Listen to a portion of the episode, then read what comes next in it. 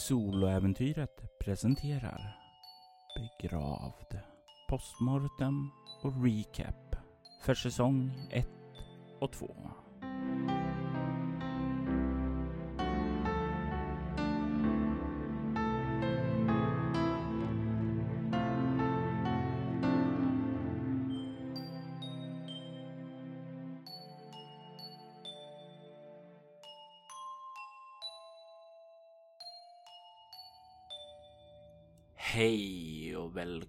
Välkommen till denna postmortem av de två första säsongerna av berättelsen Begravd.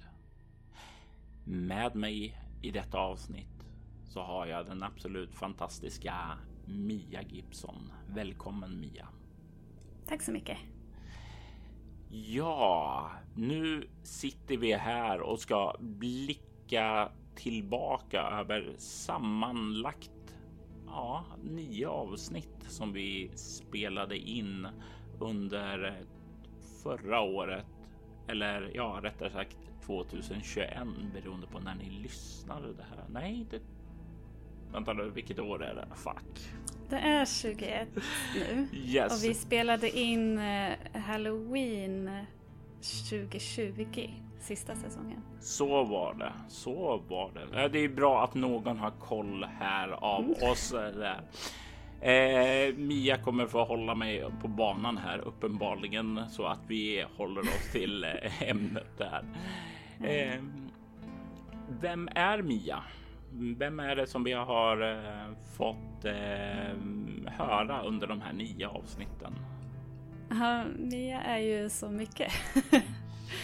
Uh, Mia är, jag är uh, en uh, lärare och rollspelare och hobbypoet. Ja, lite av det som jag är mest i alla fall. Mm. Jag, jag, jag tycker ju också det här sista du sa, hobbypoet, alltså det, det blöder ju också in i din gestaltning av eh, Tracy.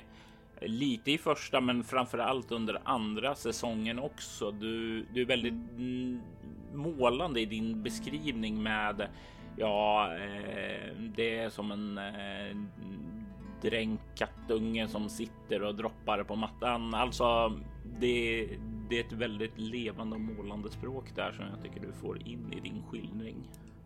Ja, jag är väl eh, kanske eh, litterär. Lite, lite, lite, lite, lite litterär av mig.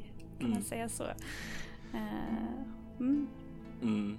Eh, och eh, du har eh, inte varit med i så många poddar eh, tidigare innan du var med i själva eh, första säsongen av Begravd, va? Nej, verkligen inte. Det, men däremot så blev det ju ganska mycket på en och samma gång. Jag fick ju eh, inbjudningar till två poddar ungefär samtidigt. det var ju Mindy som jag eh, hakade på då först enligt en, ett bubblaravsnitt där. Mm. Eh, men eh, ja, annars, jag har ju inte spelat. Jag har ju inte varit med i Actual Play-podd innan alls. Men eh, du var en gammal rollspelare. Det var inte nytt för dig Mm. i alla fall. Nej, det var det inte. Men jag, innan, eh, innan Bortom så eh, har jag ju haft ett ganska stort glapp eh, som eh, många eh, rollspelare, förstår jag nu, eh, Mm. har haft mellan sådär högstadiet, gymnasiet och eh, ja, den tid vi lever i nu på något vis. Mm. Ehm, ja, jag hade väl kanske börjat nosa lite på det med mitt gamla gäng liksom, innan jag började spela eh, med, med dig då. Men nej, eh, det var liksom högstadiet och sen eh, lite in på gymnasiet och så ett stort glapp på något årtionde eller två. Men eh, det är ju skojigt där alltså, för jag hade ju lärt att känna dig eller lite grann så över sociala medier och sådant där och mm. eh, fick ju också veta då där att du bodde ju i samma eller inte samma stad, men tillräckligt nära för att säga samma stad då som mig då. Så det var ju liksom bara, men, men är hon så nära? Och mm det dök ju också upp där en eh, annan sak som det visade sig att du hade ju en koppling till bortom som du inte kände till. Ja, det tyckte jag var jätteroligt. Det började ju lite med att eh, eh jag kontaktade dig, eller jag skrev en kommentar till dig på Instagram på något foto som du hade. Mm. Eh, för att jag kände igen omgivningen. Ja. Eh, och anledningen till att jag gick in på din Instagram, där, eller eh, om det var eh, bortom Instagrammen, men mm. det var ju att jag hade lyssnat på Vi spelar rollspel i, och deras inslag Spelskaparna. Och jag tyckte att eh, Bortom Leviathan lät intressant. Så jag kollade upp liksom för att få mer info. Och så kände jag igen den där bilden då liksom Eh, så det är väl ingången. Ja. Och sen så, eh, så, så kom du med den här, den här, du förresten, vet du vad? ja, precis. Alltså, för det var ju eh, till en kampanj som jag spelade runt 2005 tror jag det var i samband med att eh, Bortom släpp släpptes eh, så hade ju en speltestkampanj för eh, kampanjen Nattljus eh, vars första akt finns i själva grundreglerna då. Och i den här kampanjen så spelade mina spelare en grupp som hette Diumbris Idearum och en av medlemmarna i där var en karaktär som hette Lilith Danforth och mm. vi kommer gå in lite mer på det, för det är ju relevant för den här eh, själva berättelsen då. Men jag hade då relativt nyligen börjat, jag, nej, kanske ett, två år tillbaka då när jag tänker efter. Men jag hade börjat och kasta mina eh, karaktärer så, och mina spelledarpersoner. Och när jag säger kasta menar jag helt enkelt att man tog en bild ifrån eh, ja, en skådis, en eh, random person på nätet och, och jag googlade ju lite bilder och så och då dök det ju på Deviant Art upp en bild på en kvinna som visade sig vara dig då Mia. Ja. eh, världen är liten. Eh, ja, nej men jag höll ju till där på Talk mycket. Jag eh, och eh, min eh, partner, vi uh, fotar lite. Jag alternativmodellar lite. Så, mm. Och då är DeviantArt, det var då i alla fall en bra community liksom för att sprida sitt arbete. Och eh, sen, eh, fast de bilderna som jag förstod du använde är bara vanliga selfies liksom. Som jag hade lagt upp där. Eh, mm. Så ja, det var ju jättelustigt. att jag, jag är ju mina kära lyssnare, eller våra kära lyssnare, jag är ju Lillit. Precis, och det, det blir ju också en så skoj sak då att använda sedan när man gjorde avsnittsbilder, att man verkligen kunde använda bilder eh, som existerade redan och som ja, var, var, var på dig då. Eh, det blir någonting väldigt, väldigt lustigt där mellan gränsen mellan vad som är verkligt och vad som är fantasi där som jag tyckte var väldigt, väldigt skoj att leka med. Ja, och inte nog med det. Du beskrev ju Lilith för mig. Mm. Uh, och uh, du beskrev henne, du beskrev det här hennes känsla av uh, det är mitt fel och det där hela som vi känner igen från Begravd. Mm. Och jag sa något i stil med haha, det känner jag igen mig i, det låter precis som jag, LOL. oh. ja. Och det, det, är ju sådant som jag hade. In, jag har ju ingen eftersom jag inte kände dig hade ju absolut ingen koll på dig. Eh, men Nej. någonting i eh, dina bilder där måste jag ha väckt någonting i min eh, fantasi långt där bakom eftersom det blev en så bra synergi. Ja, mina bilder sa det är mitt fel. oh, ja, nej men så det var ju en sån där sak som också var eh, spännande för i samband med vi satt och diskuterade det där. Eh, jag tog upp det och sa det och så hade ju jag en idé till en eh, story eh, för eh, den här själva arken som vi har fått följa med på. Och eh, jag slängde ut en fråga till dig. Eh, mest för jag tyckte att ja, men det är, det är alltid kul att spela med nya personer eh, och eh, du verkar vara en intressant person som jag skulle vilja spela med också. Så jag slängde ut det och eh, vilken tur att du sa ja till det. Mm. Verkligen. det är jag jätteglad för. vi har pratat lite om det du och jag, att jag eh, är glad att jag vågade. För mm. att min första tanke var nej, inte ska väl jag, lilla jag, eh, vara med i det här stora sammanhanget. Uh, som inte har spelat, eller knappt har spelat rollspel på uh, ja, något årtionde eller två då. Uh, men uh, jag är jätteglad att jag var så modig som jag uttrycker det. Ja, och jag tror eh, våra lyssnare också är glada att du vågade för det blev ju ett riktigt bra resultat. Eh, mm. Jag brukar säga som så här att eh, in, för du är inte den första som liksom varit så här lite bara, men eh, inte kan väl jag? Och jag brukar säga då. Det är inte din uppgift att det ska bli fantastisk fin podd. Eh, för om det inte blir det, då ligger det på mig. Alltså, jag arbetar ju för att försöka ge en spelare de verktyg som de behöver för att känna sig trygga och kunna leva ut. Eh, så jag är så fantastiskt glad att du vågade lita på mig. Mm, jo, men eh, jag känner, eh, jag tror jag kände mig en gång ändå att eh, Uh, att jag kände mig uh, trygg med dig. Liksom. Jag lyssnar mycket på dig och jag tänkte att uh, ja, men om andra vågar så vågar väl jag också.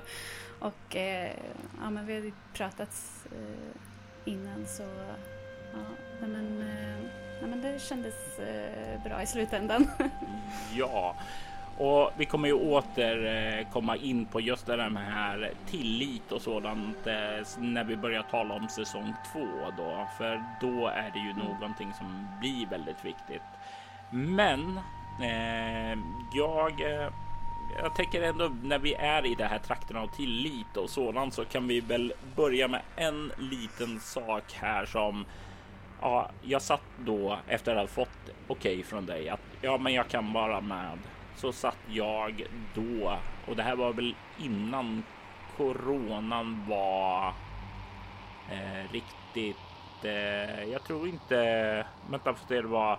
Nu får du hjälpa jo. mig.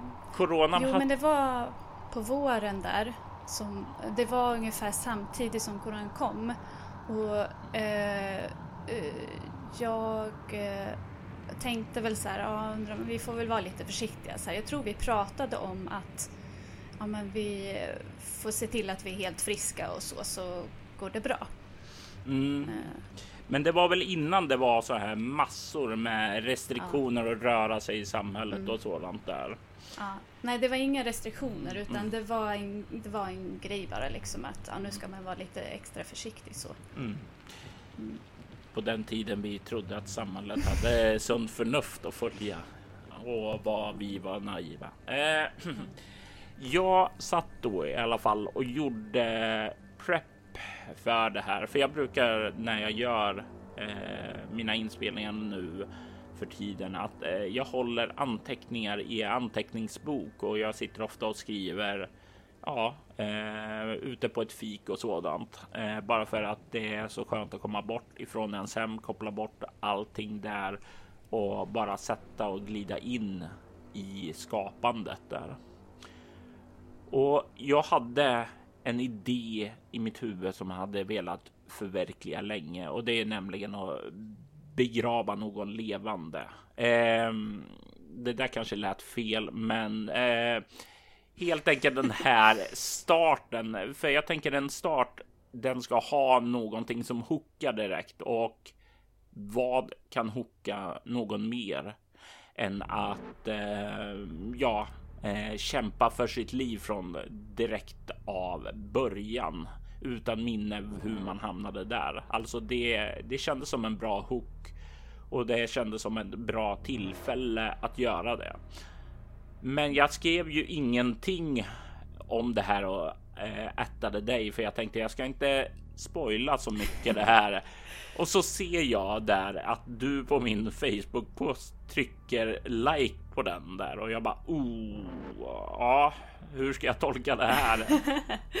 ja, men jag visste ju att du höll på med att du har många järn i elden liksom, så jag eh, naturligtvis satt jag där och bara åh, hoppas det är jag som får det här, hoppas det är jag som får det här. uh, uh, men uh, jag var ju inte så här att jag var förberedd på det på något vis så. Mm. För jag tänkte att det, är, det här är kanske till något annat projekt. Men jag är jätteglad att jag fick det. ja, och det, vi ska ju säga som så att eh, jag hade ju inte diskuterat igenom det här premissen att vi kommer börja så här. Eh, för dels så kände jag att eh, det kommer förstöra lite av överraskningskänslan för dig. Men dels så kände jag också att jag tror att du kommer vara bekväm med det här utifrån våra samtal. Mm. Eh, och jag har bestämt för mig också att innan vi startar så sa jag till dig att om det är någonting som är obehagligt eh, så har du alltid möjligheten att säga stopp. Eh, så tar vi avbryter inspelningen och eh, vevar tillbaka det till stället så att du blir bekväm igen. Ja, ja, absolut. Vi, eh, vi hade ju snacket innan liksom och det känns som att vi till och med uh, pratade uh, alltså online.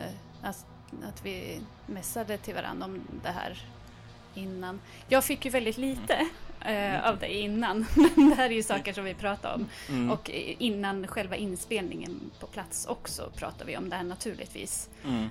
med trygghet och eh, eh, vad, eh, vad jag inte vill ha med liksom och vad jag inte vill uppleva och så. så ja, nej men den och jag vet att vi i diskussioner på andra ställen runt omkring på nätet, eh, Facebookgrupper och sånt också har kommit in på sånt så jag vet ju en, visste ju ändå att du var med på trygghetståget om man säger så. Yeah. Och det är, det är en så viktig sak för även om jag, jag brukar säga jag eh, gillar sadism och sådant där. Mm. Men det blir ju aldrig roligt om det är genuint obehagligt. Alltså i grunden så ska det ju vara att det tillför något, att det ja, ger en eh, extra nerv i själva berättelsen. Att det är skrämmande men roligt eh, på samma gång då. Ja, precis. Eh, och eh, det är väl liksom det allra, allra viktigaste. Eh, Tänker jag att det inte blir för eh, sadismens skull liksom på något vis. Mm. Utan att det blir för att det ska, ja, som du säger, ge någonting.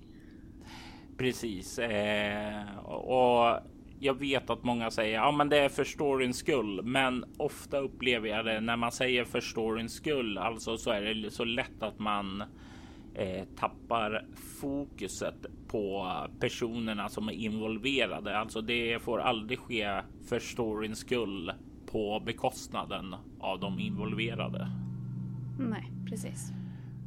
Uh, och jag vill väl, om vi, när vi ändå pratar om uh, trygghet så vill jag inflika en sak som jag satt och tänkte på. Att uh, mm. vi pratade ju inte bara om vad som skulle hända innan utan att du har ju varit också väldigt inkännande. Jag pratar ganska mycket om att jag har bättre och sämre perioder under året. Mm. Och eh, hösten och särskilt vintern är ju inte mina bästa tider liksom. Så vi styrde inspelningarna båda eh, säsongerna eh, till eh, tider som eh, jag kände mig bekväm med att jag skulle må bra liksom. Så. Mm. Det är jag väldigt tacksam för. Ja, nej men självklart alltså. Jag tycker att eh, det, det ska aldrig kännas som ett eh, ja, vad ska man säga, ett pressande tvång, för då blir det inte roligt. Och jag tycker att om man inte tycker att det är givande eller att man känner att det blir ja, stressfaktor så är det så lätt att man tappar lite den här känslan, glöden för det och då tycker jag nog att det också lyser igenom lite och det blir lite sämre resultat. Så ur ett rent egoistiskt perspektiv så är det ju, kan man ju tänka så. Men eh, det viktigaste är ju egentligen att alla ska må bra. Att, eh, ja, jag vill ju att en medverkan ska ge energi snarare än att ta massa energi. Mm, precis, och det är ju precis så det har varit tycker jag. Eh, eh, jag tänker också att eh, eh, spelar man, är man på en mörk plats själv i livet så eh, mår man ju inte bra av att spela någonting mörkt liksom. Så enkelt är det ju. Mm. Eh, så mm.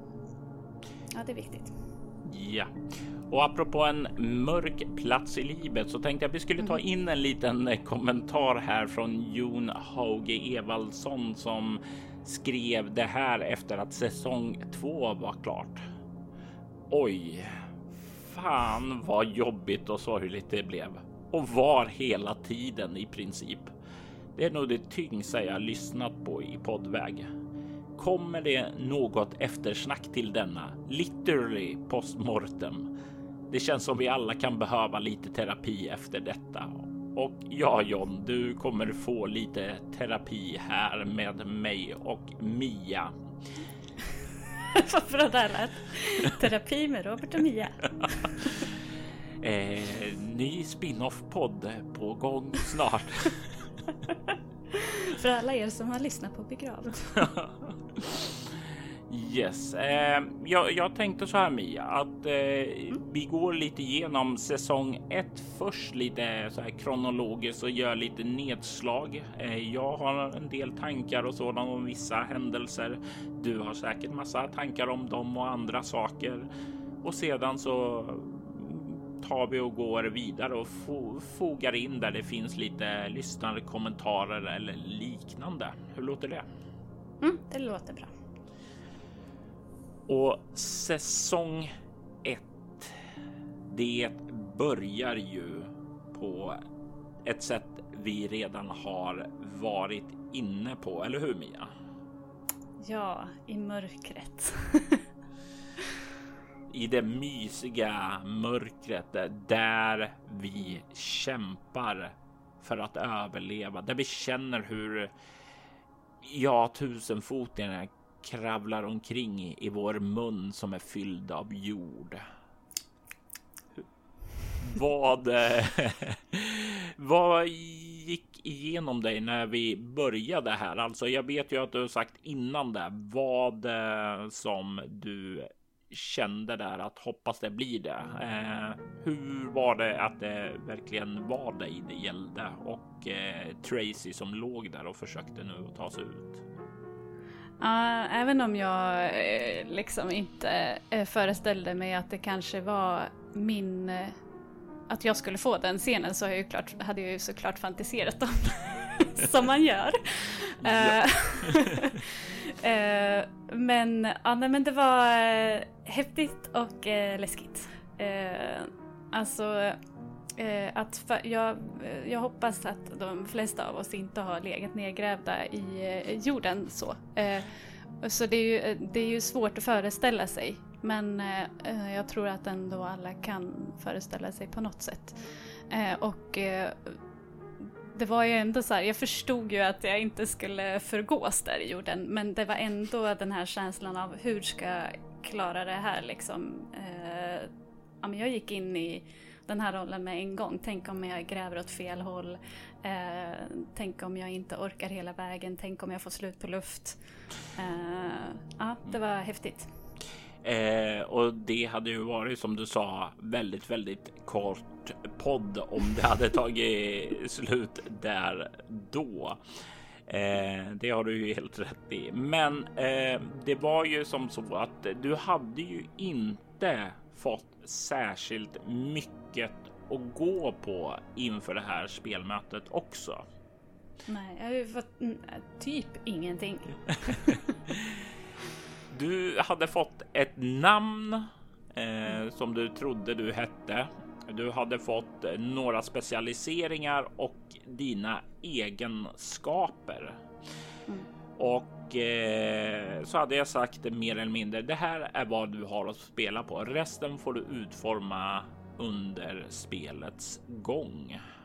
Och mm. eh, grejen var ju för att eh, du inte hade ett minne av ditt förflutna och det gjorde ju då att eh, du eh, eh, ja, men eh, det här var en idé som jag hade eh, använt mig redan av i ett eh, konventscenario som hette Som man sår.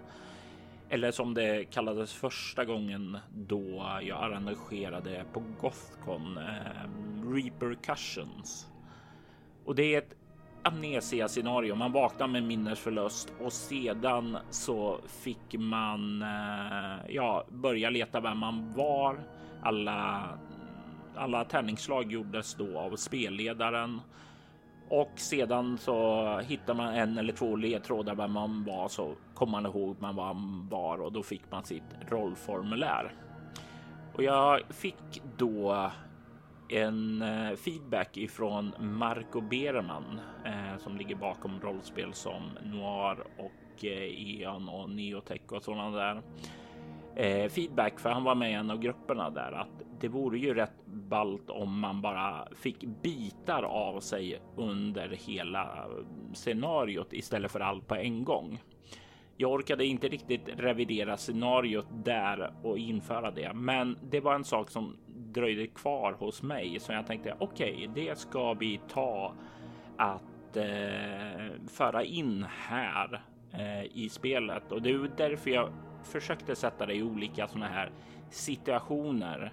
Eh, är du den, är det din rationella sida, logiska tänkande sida som eh, tar eh, spjärn här för att gräva dig upp eller är det mer paniksidan? Ja, men då det är de här två sakerna du har att välja med och beroende på vad du väljer så får du ett värde i en av färdigheterna då helt enkelt. Och sedan så blev det ju när jag började att eh, klura lite mer på det här scenariot så blev det ju att varje vägval skulle representera eh, en av de här personligheterna, antingen Tracy eller Lilith eh, som det här kretsade kring. Men vi hade ju faktiskt talat lite om när jag hade presenterat idén så hade jag ju sagt att det här är en idé som kretsar kring den karaktären som jag använde som casting till dig. Så du hade ju lite koll på det i alla fall innan. Mm.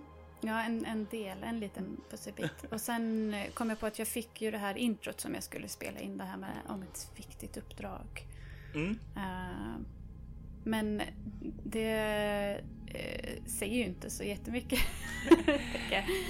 Men det var jätteintressant. Eh, jag eh, tyckte att det var eh, spännande och kändes både lätt och svårt på något sätt att få eh, fylla i luckorna själv liksom. Som det ändå blev. Mm. Den här berättelsen kom ju egentligen som en konsekvens av den här kampanjen i San Sebastian som jag har spelat för min egen spelgrupp för ett antal år sedan. Och Tracy var då en eh, person som arbetade för en eh, organisation eh, som ja, vi får inte veta särskilt mycket om den här för de vägval som du gjorde Mia tog oss inte riktigt i den riktningen. Nej, och sen gjorde jag ju vissa misstag också som gjorde att jag eh, eh, lite grann dödade den eh, vägen i första säsongen. det finns inga misstag. Det finns bara nya intressanta vägar framåt. Mm. Eh, men det hade lett upp till att eh, den här Tracy då hade tagit över eh, Liliths kropp eh, och ehm, under där, den tiden infiltrerat The Umbricidiarum. Men så hade det slutat med att ja, eftersom det handlar om rollpersoner och sådant där så lyckas de överkomma det och eh, ja, eh, det resulterade i princip att ja, det där, där den rollspelskampanjen slutade med att Tracy begravdes i skogen eh, av eh, hennes arbetsgivare. Det var liksom det var epilogen på eh, rollpersonernas berättelse där. Eh, och eh, du fick gräva dig upp och det är liksom. Eh, det är ju så lite grann så som jag försöker bygga berättelser. Alltså, det här är en stor värld trådar går över och in i varandra. Eh, den här organisationen som Tracy arbetade för, den kommer att synas betydligt mer med berättelsen bakom lyckta dörrar. Mm. Det är eh, så det finns eh, alltid där en tråd går igenom en berättelse kan blomma ut till någonting större i en annan. En sidokaraktär i en berättelse som verkar helt oviktig kan visa sig vara oerhört viktigt längre fram. Alltså det är så jag gillar att väva trådar för att skapa en större helhet. Mm. Jag blev, eh, jag tyckte att det var jätteintressant, eh, särskilt i slutet av eh, säsong ett. Det kanske vi kommer fram till sen, men hur vissa personer som förekommer i soläventyret eh, eh, ofta eh, också eh, vävdes in i min historia. Det tyckte jag var jättespännande. Ja, och uh, om det är den jag gissar på att du tänker på Ripper då i första ja, hand. Ja, precis.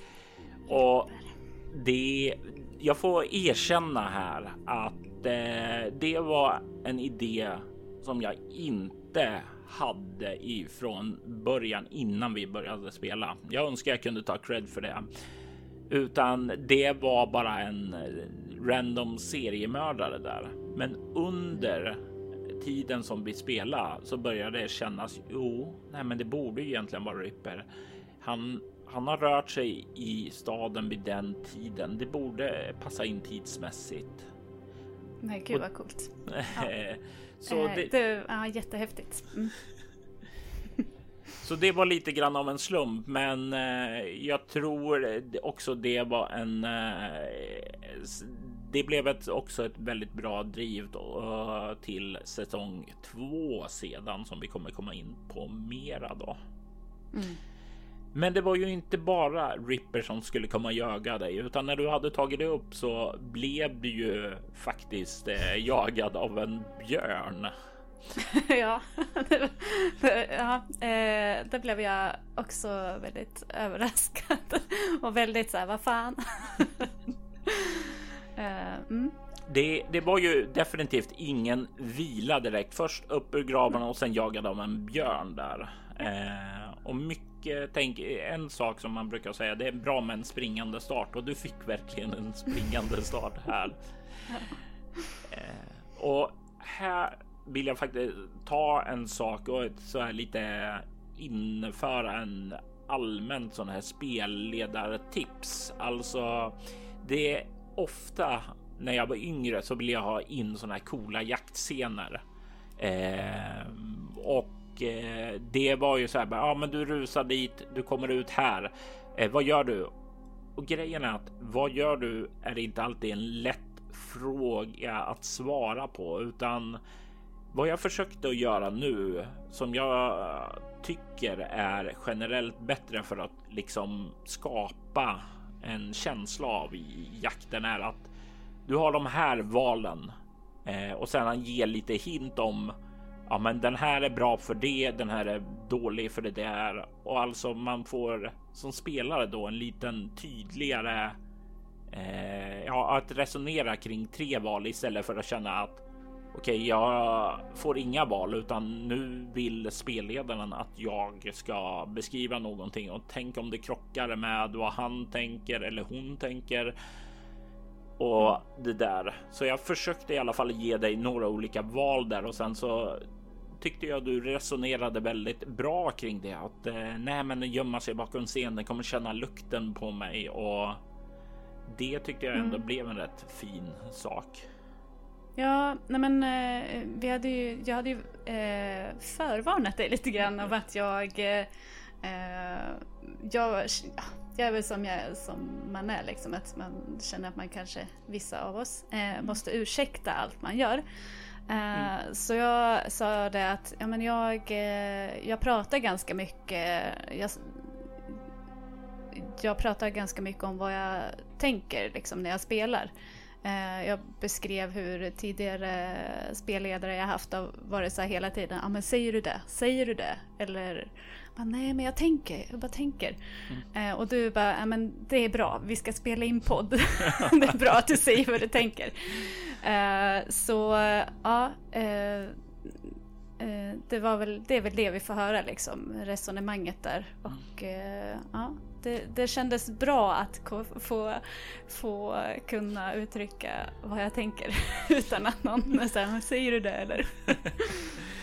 Ja, men det är ju det och särskilt just i soloäventyret så är det ju onekligen en eh, väldigt, väldigt eh, passande sätt att spela på för när man är då som solospelare, då får man ju chansen att liksom blomma ut eh, på ett mm. annat sätt i sitt inre känsloliv då.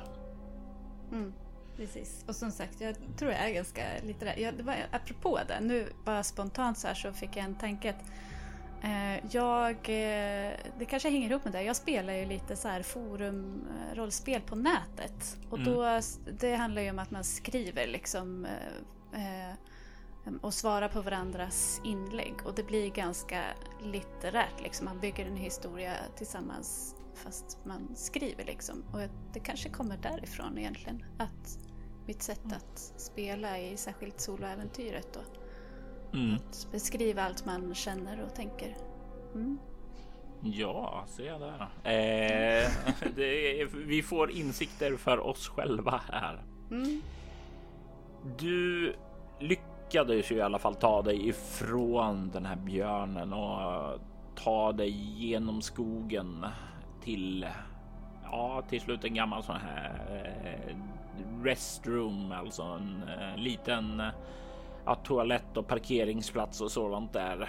Eh, ödsligt och övergivningen. Och du kom in och fick se ja, spegel eh, dig själv i spegeln och se de här två skiftande utseendena som liksom det var ju ditt eh, undermedvetna här som liksom gjorde sig eh, gällande att det ena är vad du ser fysiskt eh, just nu, det utseende du har. Alltså Lillits eh, egentliga utseende, den kropp som Tracy hade tagit över. Men hennes mentala bild det var ju sin egen, alltså den här blonda oskuldsfulla kvinnan då. Mm. Ehm, och jag försökte liksom måla upp det här med den känslan av varför ser jag att skapa osäkerhet egentligen? Varför ser jag två? Varför skiftar det och vad är det som pågår här? Mm. Och jag, jag är lite nyfiken bara på att höra hur du upplevde det när du liksom stod där i det här restrummet. Jag hade ju fått eh, ändå lite blänkare om att det skulle handla om att eh, hitta, en, eh, hitta sin rätta personlighet och så. Eller inte sin rätta, men, men att hitta en, någon, någonting. Ta reda på vem man är. Mm. Och ja, men det var ju väldigt spännande. För både jag och eh, ja, Tracy blir ju liksom osäkra på eh, vem är jag egentligen. Det var, det var väldigt eh, eh, effektfullt. Eh, för att även om jag i slutändan nog förstod eh, hur jag såg ut och vem jag var egentligen så under spelets gång eh, så gjorde varken jag eller Tracy det vem, vem, vad är rätt? Liksom, vad är den rätta bilden i spegeln? Vem står här egentligen? Mm. Eh, så det var väldigt eh, effektfullt för mitt eh, fortsatta spelande om man säger så. Eh, ja, så. Och här har vi också den första riktigt stora Ja, vad ska man säga? Som sagt var eh, kors, eh, korsningen som vi kommer fram till. Alltså, man brukar ju tala i branching choices, alltså att du kommer till eh, en punkt i eh, en berättelse där du har att välja A eller B och beroende på vilken väg du tar där så får du två olika upplevelser därefter. Och det fanns två stycken val här att göra. Eller ja, det finns alltid fler stycken mer val att göra när man har med rollspelare att göra då, men två som jag hade i åtanke. Och det första vägvalet var ju som eh, du gjorde i berättelsen, för du hörde ju att det anlände någon. En bil stannade utanför och någon gick in på den mannens toalett där. Och du hade ju valet att fly eller sno bilen eller sådant och ta dig bort därifrån och inte ha någon interaktion med den här mannen. Eh, och det var ett, ett av de här valen. Det andra valet hade ju varit om du hade interagerat med mannen. Det hade ju då satt dig i en helt annan situation, för den hade ju försökt övermanna dig och slänga dig i bak bagageluckan tillsammans med Josie eller José och tillsammans med José och sedan hade du hamnat i ett annat scenario med honom i en källare i en torture dungeon där och för, fått försöka ta er ut istället där tillsammans. Då hade det blivit en berättelse snarare om kan ni eh, överlista den här seriemördaren. Det hade blivit någon lite grann av en annan typ av skräckberättelse då. Ja, vad spännande. Och då kanske inte den här idén om Ripper hade kommit heller? Troligtvis hade det inte gjort det då, nej. Mm. Eh, utan det var väl någonstans här när du flydde ifrån honom och eh, jag kände att Ja, men det där var ju synd alltså. Men eh, om det är en vanlig mm, seriemördare så lär ju den inte mer. Eh, ja, den lär ju inte dyka upp något mer i scenariot där, men eh, jag har ju en prep här i ordning. Det vore ju skoj om man får använda det. Men vänta, och där så började tanken om Ripper formas också då när du slank därifrån då. Och eh, med Ripper så ja, han har lätt att haka upp sig på sina offer där. Så då blev det naturligt att han skulle börja leta efter dig och José. Ja, vad spännande. Uh, uh, och höra hur, vad som hade hänt om jag inte hade stuckit iväg. Uh, jag tänk, men en spontan tanke är ju genomgående i säsong ett att jag försöker att inte, agera, inte, inte interagera med någon. Av ren eh, paranoia liksom på något vis. ja, ja det, det, det, det är ju faktiskt sant i det. Jag tänkte faktiskt inte så mycket på det när du gjorde det under spelmötet, men det, det är ju en poäng där. Eh. Vad tror du att det var för att du var så inne i karaktärens flight mode eller var det Mia som var lite så nervös för att interagera med folk eller vad, vad, vad kom den här känslan och drivet ifrån tror du? Uh, jag vill säga både och. Men uh, ska jag vara helt ärlig mot mig själv och våra lyssnare så var det nog jag som var nervös att interagera. Och jag har hintat efteråt, efter säsong två också, att uh, jag känner att jag kan bli bättre på dialog. jag känner mig osäker där liksom. Så om jag ska vara helt ärlig så kan det ha med det att göra. men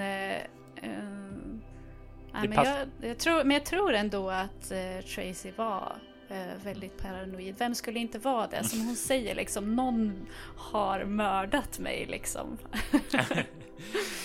det är lätt att bli lite paranoid när man har blivit mördad av någon. Ja. Eh, ja. Nej, men alltså det absolut inte fel att låta vad sig själv glida in i karaktären och karaktären glida in i sig själv då. Men jag tycker det här var ju också någonting som var väldigt motiverat eh, ur en karaktärssynvinkel eh, då. Mm. För eh, som du säger, det kändes väldigt, väldigt logiskt. Men samtidigt är jag glad att du vågade interagera med lite mer folk i säsong två för det hade blivit eh, lite tråkigare säsong där då annars. ja, det hade blivit tråkigt. Eh, men du stal bilen eh, och mm. fick lära att känna en ny person då. I typ två sekunder. Eh, ja, för du åkte ju sedan in då till resecentrumet eh, och eh, ditchade honom där. Ja, eh, man kan ju inte ha eh, man kan ju inte ha folk eh, efter eh, släntrande efter hängsena eh, små bortkomna hundvalpar efter sig när man försöker ta reda på vem man är. Nej, jag vet inte. Eh, men det hänger nog också ihop med att uh, uh, min osäkerhet. Men sen också kände jag, jag tror att Tracy kände ändå att vad ska jag med eh, den här personen till liksom. För att vara helt kall så.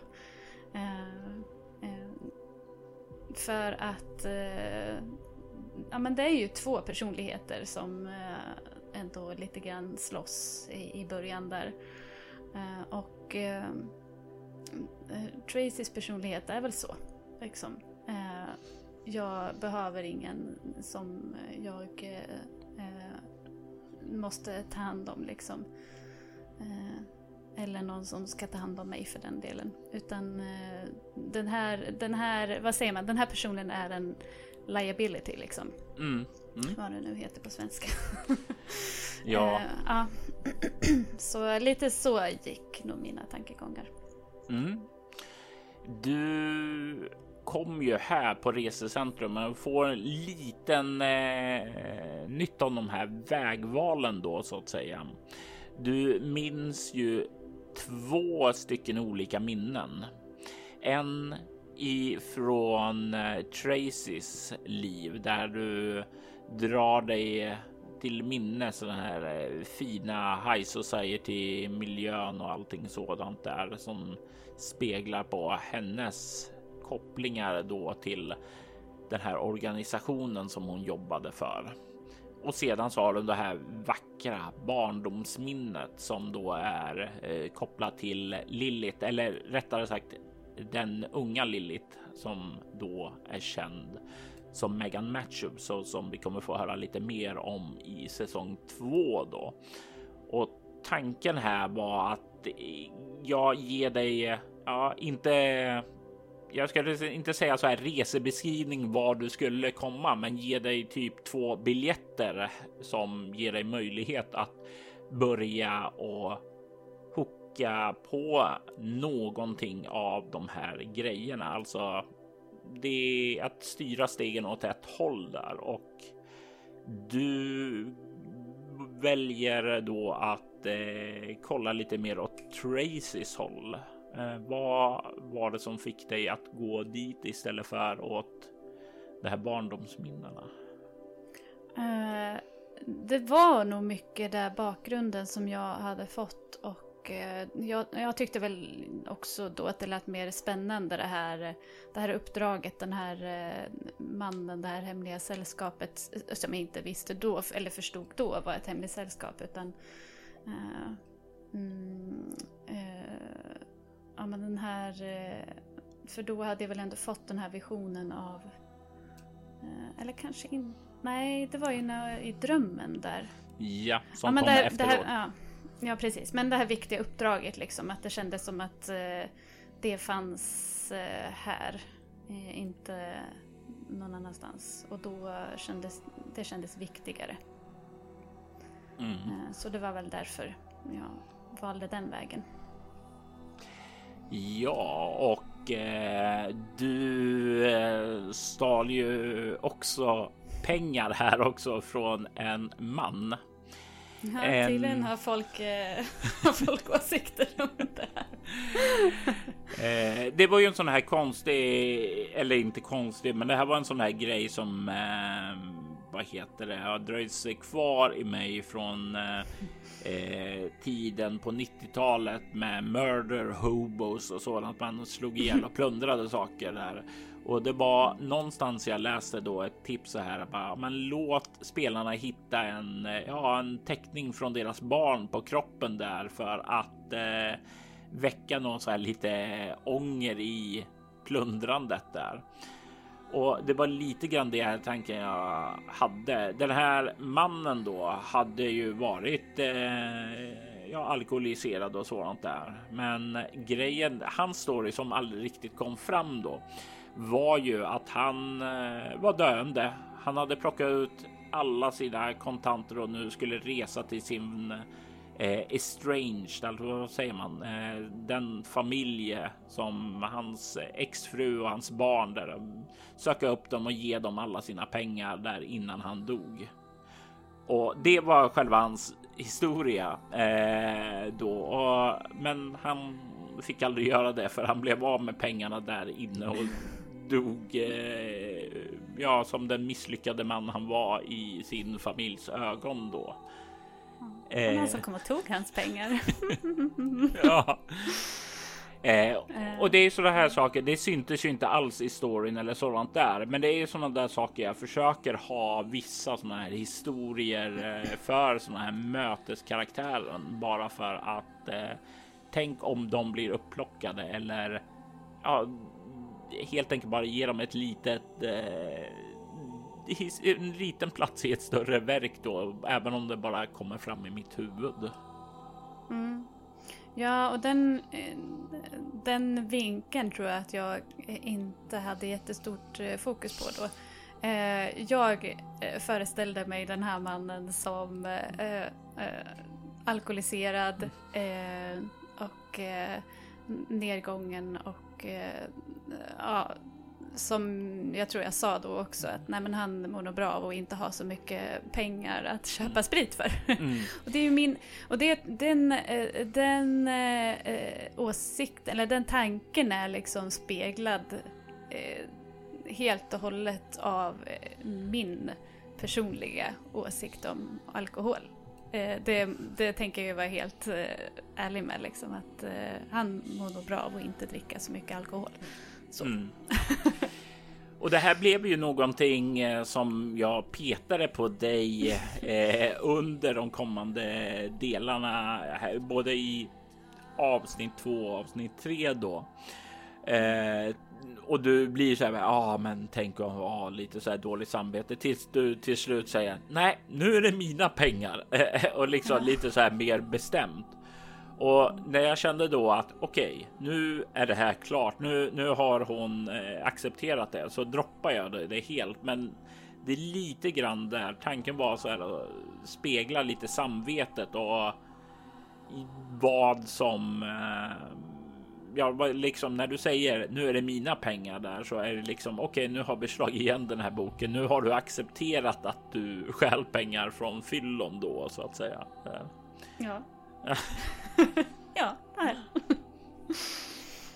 Eh, men du lämnar ju busstationen och eh, du tänkte inte på det då, men du. Jag fick en fråga sedan där efter spelmötet att eh, ja, eh, kommer du ihåg vad du frågade mig? Eh, så, nej, men eh, var inte var? Jo, jag frågade så här. Var Ripper där och dödade José medan jag var inne på stationen? För att var inte klockan 2.23 och har inte äh, Ripper ett MO? ja, eh, Mm. det stämmer ju. Eh, och vid det här, ja, det är ju, det blev ju som så. Det var ju exakt det som skedde i min headcanon efteråt då. Eh, jag kan ju inte ta cred då för det exakt eh, vid själva tillfället att det var planerat där eftersom jag då inte var helt klar ännu i tanken att det skulle vara Ripper. Men när du sa det där och jag tänkte över och kände bara jo, men det är ju Ripper som är det nu. För då eh, hade vi ju spelat klart och då visste jag om det att det skulle vara Ripper. Och då blev det i min headcanon att ja, José dog vid 02.23 och det var exakt det som hände.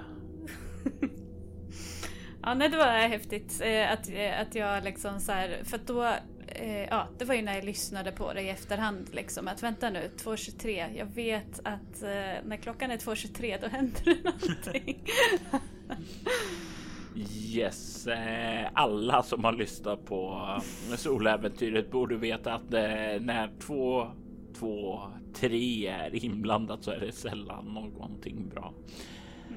Eh, du tog ju som sagt var därifrån och du hade ju. Det var ju då därefter som du drömde då om Aston Rains, en eh, person som eh, var Tracys chef och även Megans far då. Så det var där drömmen efteråt kom.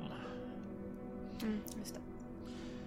Eh, jag tänker att vi kan ta och göra ett litet nedslag här i själva musiken. Ehm, nämligen vi använder oss, eller jag använder mig väldigt mycket av Kammarheit, en eh, grupp som eh, du faktiskt hade sagt att du gillade att lyssna på då för tillfället där. Mm, eh, du, jag tror att du postade något på Facebook om eh, ah, kan ni ge tips på bra spelmusik? Och eh, jag sa, ah, jag vet inte om det är det här du letar efter men jag brukar lyssna på det här när jag spelar Minecraft.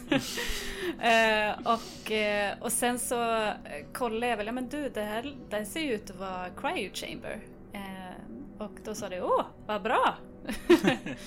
Eh, så ja. Och sedan den dagen har du inte kunnat spela Minecraft på samma sätt. Utan att tänka på RIP. ja, nej. Det, jag vet inte, det är kanske bara jag som lyssnar på sån musik när jag spelar Minecraft. Men det, jag tycker att det är stämningsfullt, okej? Okay?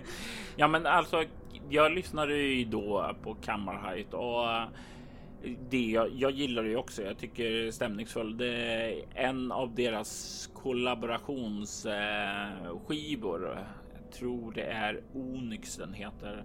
Har jag ofta haft också på uh, repeat när jag ska sova för uh, jag har problem med att sova uh, och jag behöver ofta ha någonting som spelas för att kunna somna och den eh, är en av dem som får mig att glida in i en skön sömn. Då. Så det får jag tacka för tipset Mia där. Mm.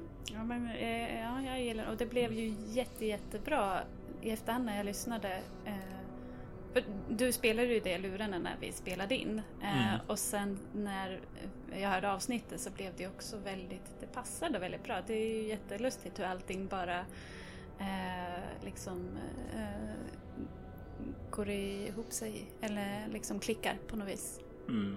Mm. Och det blev ju, jag använde ju medvetet just Kammarhajt då eftersom du hade rekommenderat det. För det hade fastnat i mitt sinne då just, eh, även om jag inte frågade just för det här syftet så var det någonting. Ibland så dröjer det sig kvar saker i bakhuvudet där. Och eh, det innebär ju då att eh, när det finns kvar där när man gör saker, då ska man använda det. Eh, och det blev ju väldigt, väldigt passande eh, känsla i själva avsnittet då tycker jag. Eh, apropå musiken där också eh, så blir det ju när du är på dinen där och äter och ser den här eh, tidningsartikeln eh, om eh, mord på resecentrumet. Eh, att eh, det spelas eh, Lisa Lisbys låt The Obelisk som är temat för både Ripper och kolonnerna som han söker då.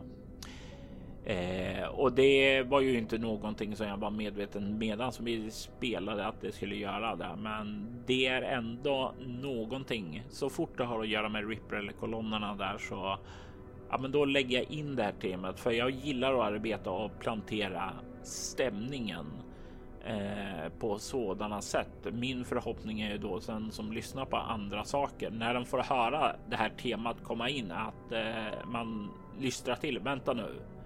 Kanske inte så att man reagerar på just den här sången. Det innebär det här, utan bara att man då är liksom undermedvetet stannar till och sen vänta, varför känner jag igen det här? Alltså att du hajar till lite över det. Mm. Sedan så kommer vi fram till avsnitt fyra. Det sista av de som var med i första säsongen. Och eh, avsnitten som eh, vi har spelat. Jag tänkte kort lite gå in på dem också. Det första hette Deep in the Blackest Hole och det var ju väldigt passande med tanke på vad du startade någonstans där. Eh, andra hette Alive But Dead och kändes också lite eh, passande det med för det är ju ja, du lever, men det känns ändå som du rör dig i någon form av ja, eh, gränsland av någon slag. Eh, den tredje avsnittet var Fortress och det var ju lite grann då du eh, vad heter det, rörde dig ut till Tracys hem där hennes eh, fästning då så att säga. Kallt och och inte mycket av ett hem. Men eh, hon hade sin egen lilla fästning och sin eget lilla torture basement där också. Samt den sista som hette Silent Victory. Eh, och det eh, var lite grann då att eh, ja, det var ju ingen sån här stor episk seger. Om vi säger du, du började med en ganska intensiv eh, eh, händelse i början så var det ändå ganska en eh, ganska nedtonad odramatisk slut så att säga när du tog det därifrån. Mm. Eh, och alla de här eh, för hela din ark då så finns det ett tyskt power metal band som heter Rage och eh, för den här liksom berättelsen så har jag haft som tema att använda titlar ifrån deras låtar för att eh, sätta prägel på avsnitten då så att säga. Men jag eh, tänker som så att eh, jag är lite nyfiken där. Hela när vi började nå framåt slutet, att du vaknade upp i det här förhörsrummet och sådant med den här mannen som satt där tvärs emot dig. Vad gick igenom dina tankar då Mia? Eh, ja, jag tror att jag är ganska tidig i avsnittet med vad som genomgår mina tankar då. Fan. Eh, det visar sig ju att det är han som, han, han vet allt liksom. Han, eh, det är han som har mördat mig. Han, han, han, som har mördat Tracy. Nu går jag in i rollen här. och jag kan inte gömma mig längre. så känns det liksom. Samtidigt som eh, jag, ja men innan det eh, egentligen, ja men kanske i avsnitt tre där hemma i Tracys eh, fort, eh, börjar känna att Tracy inte är den person som jag eh, vill vara. Och nu får jag smaka på något sätt på konsekvenserna. Eh, på, igen. Eh, eh, möta den här eh, mannen som faktiskt har tagit Tracys liv liksom. Och, men också, aha, han, han vet mer. Det finns en chans till att få reda på vad som har hänt, varför jag låg där i hålet liksom. Mm, och här var ju en situation som du inte kunde riktigt fly från, även om det var din första impuls där att försöka ta dig ur handklovar och allt eh, möjligt där. Mm. Eh, det och det blev ju då att du var lite tvingad att interagera med honom där. Eh, mm. Och det det blev väl ett så lyckligt slut du kunde få här där tänker jag nästan. Ja, i den första eh, ljusa eh, säsongen, den första lätta säsongen. Ja, eh, precis. Det säger mycket vad som väntar oss i säsong två när det här är den ljusa mm. säsongen. Vi har talat om ja, jagad av björn, om torture basements och av eh, bli levande begravd. Då. Eh, det fanns ju här också ett annat eh, utgång, en sån här branching choice då så att säga. Och det var ju att du skulle fått eh, återvända till eh, Aston Rains då att eh, han skulle eh, att han som höll dig arresterad nu skulle ringa in honom och du skulle få möta chefen där. Det hade väl varit ett av de mest olyckliga sluten du hade kunnat råka ut för. Ja, jag föreställer mig det. Eh, om han redan ville ha mig död och det inte eh, gick första gången. Ja, vi kan ju tänka oss någon form av infernalisk eh, mardrömsvärld du skulle varit eh, fängslad i då. Det skulle definitivt kunna gått att göra en säsong två om det. Men det hade blivit en väldigt, väldigt annorlunda säsong två. Menar du en mörk säsong två? alltså, det skojiga är ju att jag i andra att jag skulle ha sagt det efter säsong 1. Eh, men efter nu säsong 2 så vet jag inte för det var ju, eh, blev ju en väldigt, väldigt mörk säsong. Men Mm, inte av samma skäl som det här skulle ha blivit, utan det här skulle vara mer en traditionell skräckberättelse. Alltså att du sitter fast då i en eh, typ av surrealistisk mardrömsvärld med sin egen interna logik och eh, förvridna monströsa varelser med japansk touch eh, som jagade dig då. Eh. Eh, Och det var ju definitivt inte vad den här säsong två blev då. Nej, verkligen inte. Ja. Har du några sista ord om själva säsong ett då innan vi rör oss vidare till säsong två? Uh, nej, jag, uh, Jo, en sak som jag, som jag har grämt mig över och som jag funderar på. Jag slog ett väldigt, väldigt dåligt slag där när jag eh, eh, skulle ta mig in i eh, det här grindsamhället. Eh, vad heter det? Ehm, Utopia. Utopia. Mm. Eh, och jag slog ett väldigt, väldigt dåligt slag på ja, jag vet upptäcka kameror och sånt. Var det det som gjorde att jag så snabbt blev tagen liksom där på skolan? Ja, det var exakt det som slaget gjorde. Du blev uppsnappad på kamerorna och mm. Eh, då skickade de en dispatch för att ta in dig. Hade ja. du miss, eh, hade du inte misslyckats med det så hade du kunnat tagit dig in eh, på skolan, snoka runt där, säkerligen få ja, på rektorns expedition hade du kunnat få reda på lite mer ledtrådar och sådant om själva ja, organisationen. Ja, vi har sagt det så många gånger. Vi kan ju säga vad det är nu. Drömtribunalen eller tribunalen som de också kallas där. Och eh, det hade kunnat leda dig ja, djupare in i mysteriet kring dem och kanske också fram till en konfrontation eh, med dem. Det var också en alternativ. Mm. Ja, det blev lite stopet där. jag bara, nej, du blir tasad nu. Jaha, okej. Okay. Eh, men jag förstår ju också, eh, jag förstod ju med en gång eh, varför. Jag slog ju skitdåligt på det där slaget tror jag. Och du bara, nej du ser inga kameror.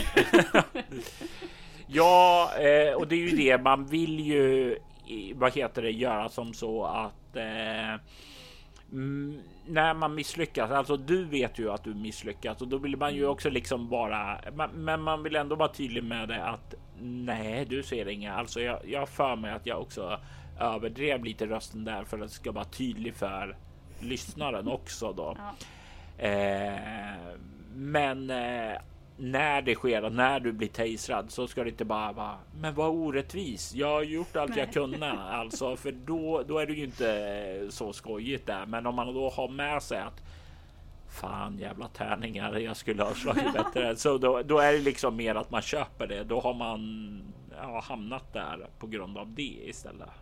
Ja, och det är det som är grejen med rollspel liksom.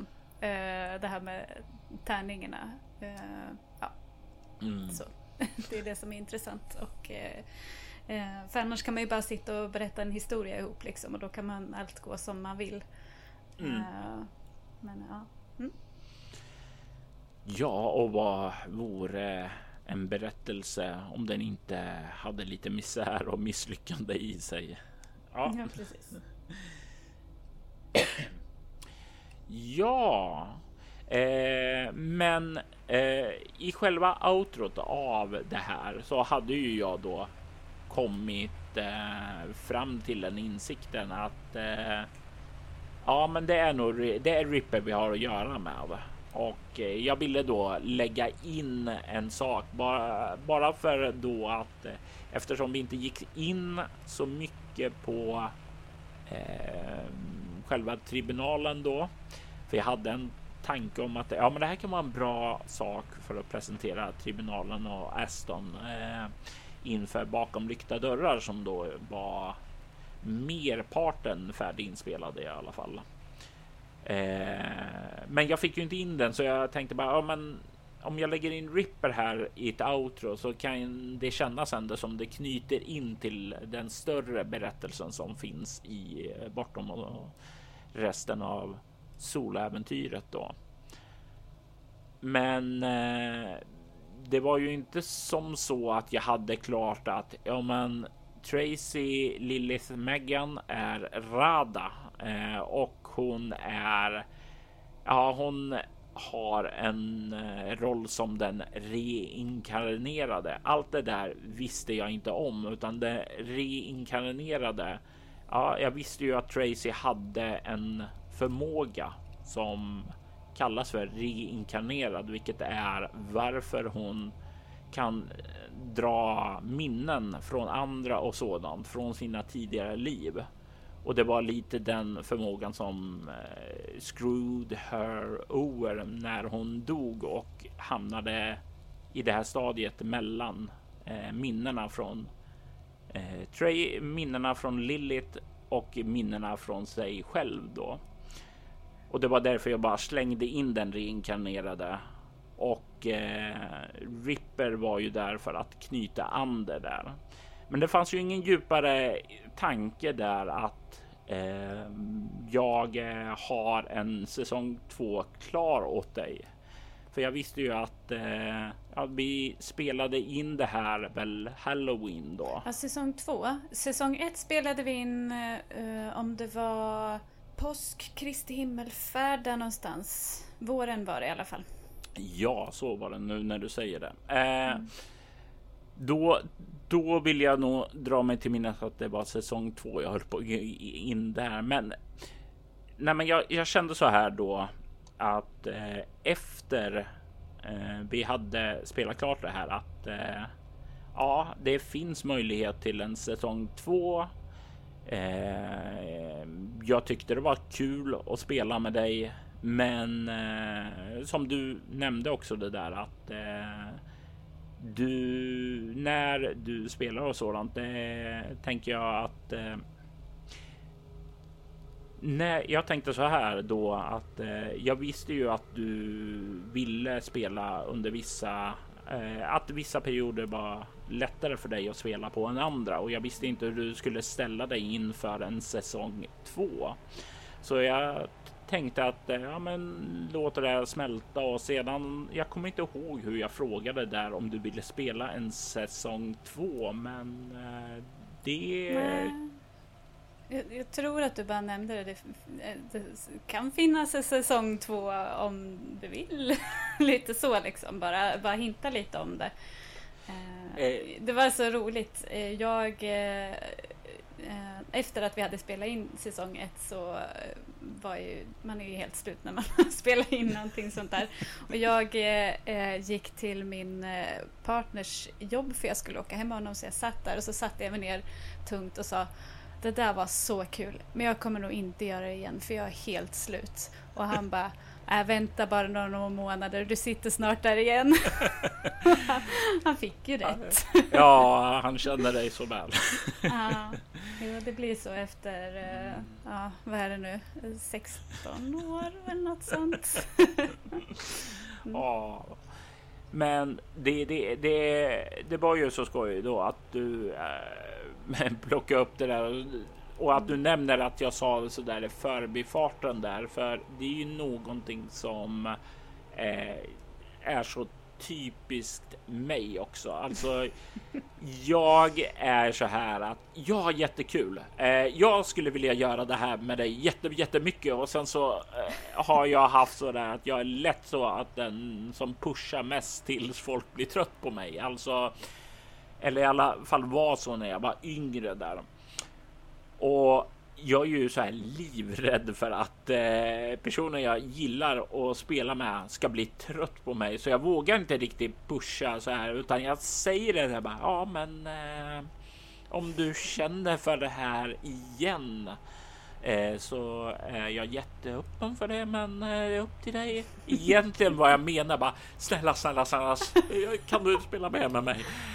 ah, vad roligt. Ja, nej, men det är väl väldigt självmedvetet av dig. Eh, nej, men, eh, jag upplevde absolut inte att du eh, var pushig och som du säger, du har, om du har erfarenhet av att kanske varit det innan så eh, så har du ju lärt dig någonting uppenbarligen. För att jag kände inte att det fanns någon push utan jag var peppad eh, enbart. Liksom. Jag blev jätteglad när du eh, berättade att det fanns säsong, liksom, eventuellt en säsong två i röret. Liksom, så.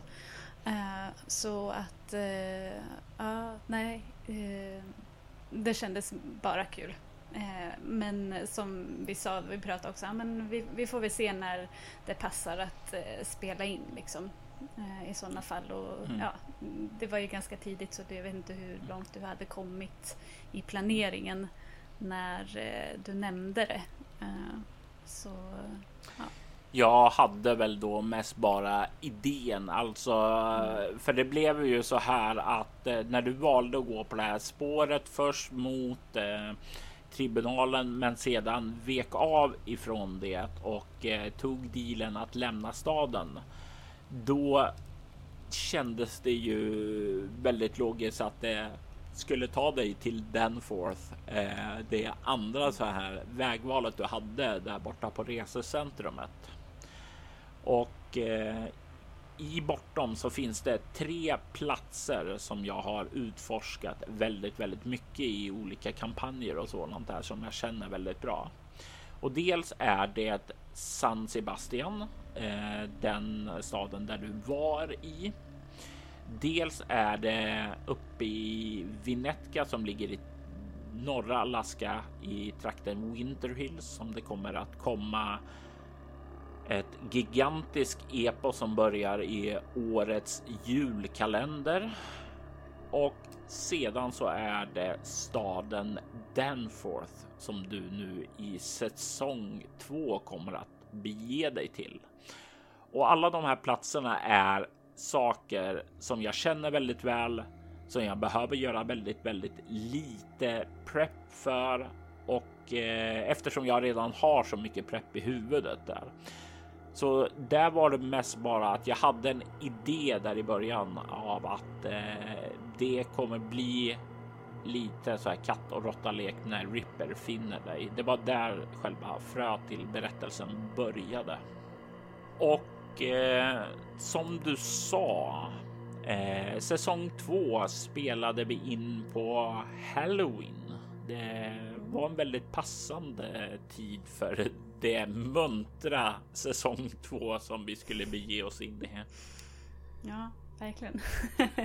och det var ju så här eh, lite sista chansen innan, innan jag gick i vinterride eh, också. Mm. Eh, att eh, spela in. Det blev väldigt eh, passande. Ja, jag, och jag visste ju att hösten eh, var ju definitivt inte en av dina ja, rollspelsvänligaste perioder där, så jag hade ju räknat med att jag skulle få vänta och få spela med dig till våren då tidigast där. Så det här blev ju liksom bara när du sa ja, men då kan funka att det blev ju bara ja, men då passar vi, då kör vi. Eh, nej, eller rättare sagt, då passar vi på. Vi passar inte för det var raka motsatsen då. eh, och eh, så det var ju bara kicka igång det så fort som möjligt då när du kände att du kunde. Mm, ja, jag ville köra, passa på också och köra med en gång. Jag var väldigt peppad. och det eh, var ju då att du hade ju valt att bege dig mot de här vackra barndomsminnena och eh, utforska dem då. Och eh, det blev ju som sagt var en ganska lugn start här med eh, att du fick möjlighet att under den här resans gång och ha kunnat eh, kolla upp lite saker. Lite tanken med det var ju för att lyssnaren skulle få en liten tillbakablick. Vem är Tracy? Lite eh, info om vad som har varit, men även vad som eh, har skett mellan de här två säsongerna och sakta glida in i det här då också. Hur mycket av de här frågorna var saker som hade gnagt på dig mellan säsongerna eller sedan slutet av säsong 1? Eh, ja, vi pratade ju mycket mellan säsongerna och, eh, och du frågade om det var något som jag ville som jag hade frågor kring. Eh, så det mesta där var väl frågor som jag hade haft efter säsong ett. Liksom. Hur, hur ligger det till med det här? Varför, varför lever jag? Eh, och vilka är de här, eh, den här Diumbris idearum och eh, eh det där. Eh, så ja, det var väl det liksom. Jag försöker komma ihåg exakt. Det var väl den researchen som jag gjorde där på internet. Är det där du mm. pratar om liksom? Mm. Eh, så det var ju frågor som, allt var frågor som jag hade haft efter säsong ett liksom. Eh, ja, förutom en sak som jag vill minnas också dök upp under själva spelet att du sa åh just ja, eh, jag har lite eh, frågor om min bror också. Ja, just det. Ja, just det, det också. Jag, jag tenderar att glömma bort honom, verkar det som. Och efter säsong två så är det inte bara glömt bort utan förträngt också. Ja precis, jag vill inte komma ihåg honom. Eh, mm. Och det, jag, jag, sa ju att Danforth var en eh, kampanj, eh, en stad som jag utforskat väldigt, väldigt mycket i mina egna kampanjer. Mm. Och det finns där en berättelse som kanske blir nedskriven som bok eller kanske blir podd av det. Men det, det handlar om eh, några studenter på skolan Morgan High. Och det är lite grann tänkte så här eh, tonårssåpa blandat med lite övernaturligheter. Ja, lite så här Buffy helt enkelt, fast eh, eh, lite med en bortom touch där. Och Trey är en av dem som har en liten större roll i den. Eh, och det är ju där som mycket saker som kommer lite längre fram också introducerades som druider och vikaner och sådant där. Eh, det är ju inget som lyssnarna känner till sedan tidigare och det var ju definitivt inte något som du kände till där. Men det var ju saker som jag hade med mig in i själva berättelsen då. Och en sak som inte framkom, men som kan vara en skoj sak att droppa är ju att eh, du fick ju veta att Trey bodde tillsammans med en kvinna som hette Mercy Williams. Och det är eh, den nya identitet som Lilith, den överlevande Lilith, eh, hade. Dun, dun, dun. eh, så det var ju som så att det är ingenting direkt du skulle kunna fått veta annat än vid eh, ja, samtal med Trade då. Men det blev ju inte så mycket till samtal där mellan er. Där. Eh, och då blir det ju också mycket klarare varför han, alltså det förstår jag väl och Tracy också varför han var arg men det, eh, ja, kanske ännu mer klart varför han blev så arg. ja, nej men precis och det är ju det. Jag tror ju inte att det var så här många kanske lyssnar. Lyssnarna har ju fått lära känna dig, fått se allting i ditt perspektiv och det var ju så här att det är lätt att sympatisera med den man har följt det, men det är ju återigen det här gråskalen och perspektiven. Alltså ser man allting från Trey så är, är det här är personen som infiltrerade vår organisation, dödade min äh, syster och äh, nu är hon i mitt eh, barndomshem och kosar in sig med mamma. Alltså, det är lätt att ha taggarna utåt då. Ja. Varför är du så arg Trey? Jag förstår inte. mm. eh, men du, du fick ju chansen att kolla upp allt du ville ha där inne innan vi gled in då att eh, jag frågade dig om eh, du hade lyssnat något ra på radion och du sa att du slog på den och det är ju där som jag drar igång den här fina sången Paint the Sky med Hans Atom. Eh, mm. Och jag tyckte just där början på det.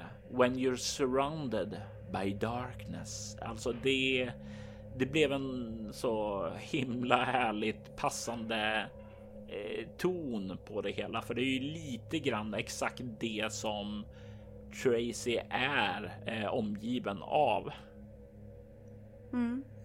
Ja, och det eh, passar på något sätt också hennes eh, ja, hennes sinnesstämning. Eh, såklart som eh, var där, som jag etablerade egentligen där i början. Du frågade mig hur, eh, hur eh, Tracy känner sig och mår just nu. Så ja, det passade jättebra tycker jag. Och så kommer vi ju fram till det som ja, kallas för Ripper och Eh, det. det som kallas Ripper. Mm. Och Ripper, eh, jag, jag, tror jag nämnde det i Bremsviks hemlighet att det är baserat på en gammal karaktär som jag hade i Call of Cthulhu som blev, ja, var en rätt normal person som strävade efter lösa mysterium och sådant, men blev galen och blev, fick någon form av sexualfixering på någon sån här slumptabell i, i, i Insanity eller något sådant där. Och det gjorde honom betydligt mer obehaglig än min karaktär och sedan så är det som så mycket annat jag har gjort att jag tar det från någonting annat och väver in det när jag skapar saker själv eftersom det var en idé som jag gjorde som passade in här och då har jag redan en backstory till det och det är bra att köra då. Så jag hade ju den här. Eh, ja, eh, våldtäktsmördaren då som lever på sexuell energi där. Och nu sitter han i en situation där han har fått upp vittringen på dig och jagar dig och eh, det här gör ju. Det sätter ju faktiskt stämningen för hela säsongen på ett sätt. Alltså, eh, vi har ju etablerat då att Tracy är i ett dåligt, eh, ja, dålig situation, att hon inte mår bra, att hon ligger i depression och identitetssökande. Och vi har ju infogat en eh, CV för dig för det i avsnitten då. Och eh, det kommer ju också bli en eh, scen sådan när du eh, möter honom och kliver in i bilen där. Men vad var din eh, känsla så här när vi satte igång och började spela och du hamnar i den situationen bilen som jagar efter dig och när ni stannar att bilen är tom och någon jävlas i skogen där alltså. Jag tänker att vi kan börja och gå in lite på tankar och så hos dig i den situationen. Mm, jag tyckte det var eh, läskigt. Bra läskigt. Eh, alltså så här, du vet skräckfilms eh, läskigt. Bra läskigt. Mm. eh, det här hotet som eh, jag inte kan se. Eh, men som jag ändå på något sätt inte kan undfly. Jag har försökt liksom att köra ifrån och äh, men, den är som en igel liksom. jag måste konfrontera det. Och den här jäveln bara håller på att jävlas. Frustration. Och, eh, men sen också, du hintar ju ändå, jag får ju in, jag får en blick in i bilen och det ligger en eh, mapp där vad jag kommer ihåg med mm. kon, eh, kondomer på. Eh, och, eh, och där, ja, det blir ju ett, eh, ett, ett större mått av allvar och obehag där. Eh, men eh, jag känner också att Tracy är vid det laget desperat efter allt som kan hinta om vem hon egentligen är. Vi har inte tagit upp det så mycket innan men jag, vi pratade lite mellan säsongerna om att jag får ändå bilden av eh, Tracy som en, eh, en blank tavla liksom, en blank sida. Eh, och, eh, och det säger jag också i säsong två där i början att det känns som att eh, de här två personligheterna, Tracy och Lilith, är som en ängel och en djävul som sitter på varsin, om, ja, på varsin axel liksom. Eh, och ja, men hon, det känns som att eh, hon är desperat att få svar. Så att eh, sen när han börjar liksom hinta om att jag vet vem du är. Eller ja, det där. Så på något sätt så... Eh, det här obehaget, det, det kvarstår men det, på något sätt så känner jag att jag måste kanske stå ut med det för att få svar. Så. Mm. Och det, det är ju vad heter det här som jag vill också ta och flika in en liten um, kommentar från Jon då. Hela den här eh, scenen eh, med bilen och eh, när du hamnar där inne och Jon Hage Evaldsson skriver så här. Eh, bara antydningarna till hot om sexuellt våld blir ju fruktansvärt otäckt. Vilket fick mig att tänka på att i film är det nästan vardagsmat och inga content warnings där inte. Mm, Men ni hanterade det bra tycker jag. Eh, och jag tror en sak att eh, jag skulle aldrig våga ha spelat den här scenen och sådant med dig i säsong 1 eh, eftersom det är en ganska grov och ganska otäck scen. Och eh, jag förstärkt det här intrycket jag sagt att eh, när eh, du känner dig obekväm så har du makten att stoppa. Alltså det är helt okej. Okay. Och jag vill minnas att för avsnitt ett slutade med typ att du går och sätter dig i bilen. Och jag vill minnas då att eh, innan vi startade avsnitt två så eh, tog jag upp att det här är eh, en otäck situation. Hur vill du liksom? Vad, vad är? Vad är du bekväm med? Eh, där så att jag inte skulle ta ett steg för långt där. Mm. Jo absolut, både innan säsong och säsong, säsong ett och säsong två så eh, pratade vi, gick vi ju igenom vad som är okej okay och inte okej okay. och du hintade ju om vad som eh, eventuellt skulle mm, komma så och eh, min inställning till det. Eh, mm. Och jag um, kommer väl inte exakt ihåg vad jag svarade men det var väl i linjen att ja men antydd och hot om våldtäkt kan väl vara okej okay, liksom men jag säger till om det blir för mycket men inte en utspelad våldtäkt. Och det tror jag, jag lite också på att jag tror inte att det någonsin hade kommit till det för jag tror inte att det är så du eh, vill eh, ha det liksom. Jag, jag litade på att vi inte skulle hamna där i vilket fall som helst. Men eh, jag känner mig trygg att eh, säga det innan också. Mm. Nej, det finns absolut ingen som helst eh, mening med att gå in på en utspelad våldtäkt, utan det hade ju sådant skett ett klipp långt innan där och eh, mm. så liksom man går bort ifrån det där eller att eh, man glider bort i någon eh, dis disassociation, alltså börjar spela en helt annan scen bara för att komma bort ifrån det hemska där. Mm.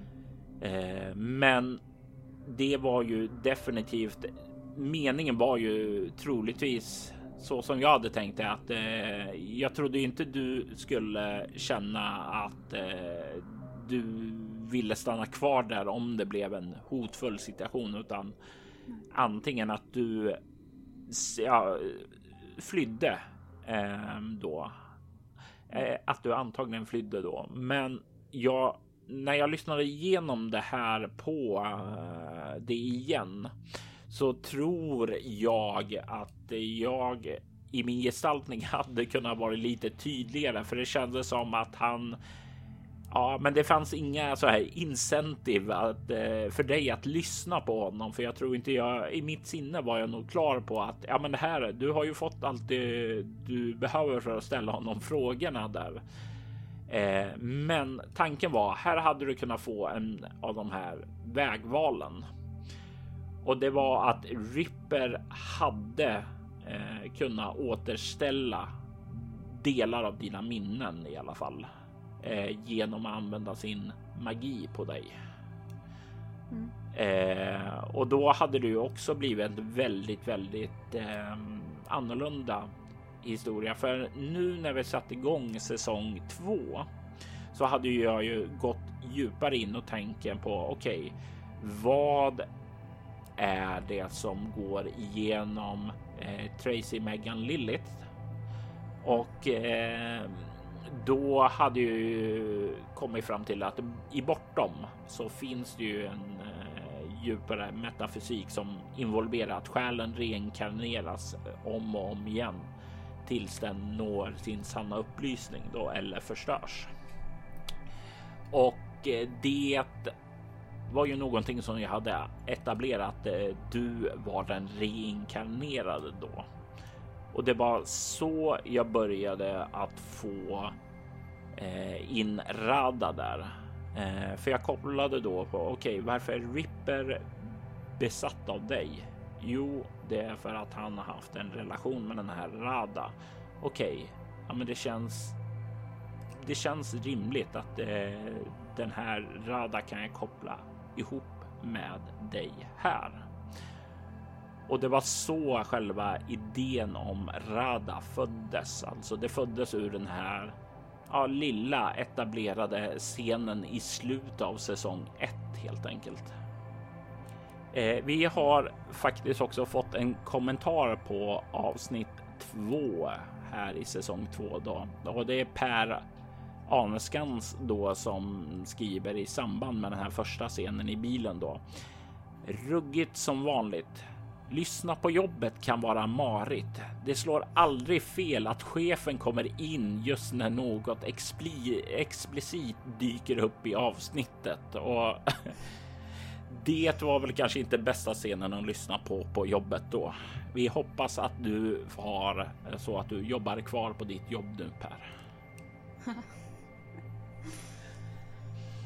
Eh, men vi lämnar ju bilen för du lyckas ju ta dig ur därifrån och börjar springa och fly och nu är vi ju ute på kända territorium för dig i mm. vildmarken på språng här.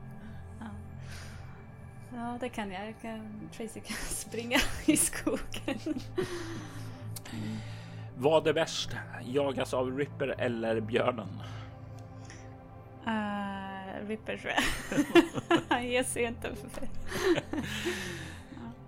Eh, och återigen här så får du ju lite sådana där val och det är ju lite grann en eh, samma sak som i säsong 1 att eh, Eh, lite igenkännande faktor här. Det är samma typ eh, av eh, situation. Du flyr från någonting genom skogen, men här blir du ju sedan det leder in i någon helt annat. Där kom du till en öde, eh, ja, en liten sån här rastplats rastplats och här kommer du istället till en bebodd eh, ranch då med eh, Rose och Brandon och mm. det blir ju där det första var lite mer kallt eh, blir det här mer varmt. Där det första var övergivet, här är det bebott alltså.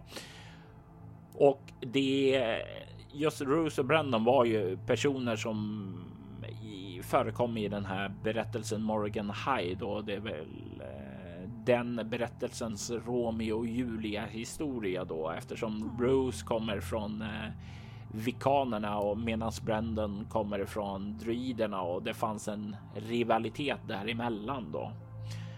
Eh, så du springer in i den här Romeo och Julia berättelsen där och eh, får interagera med personer och här är det ju en sak som är jättetacksam för mig ur en spelledarperspektiv och det är ju att du har velat dyka in i interaktioner med folk också då inte bara fly ifrån dem. Nej, precis. Men här kändes det ju varmt och tryggt så att eh, ja, men det var Eh, Eh, man, när man spelar med Robert så blir man alltid så här hmm. uh, uh, What's the catch? Men, uh, men, nej, men någonstans måste man ju, måste även Tracy lita på någon.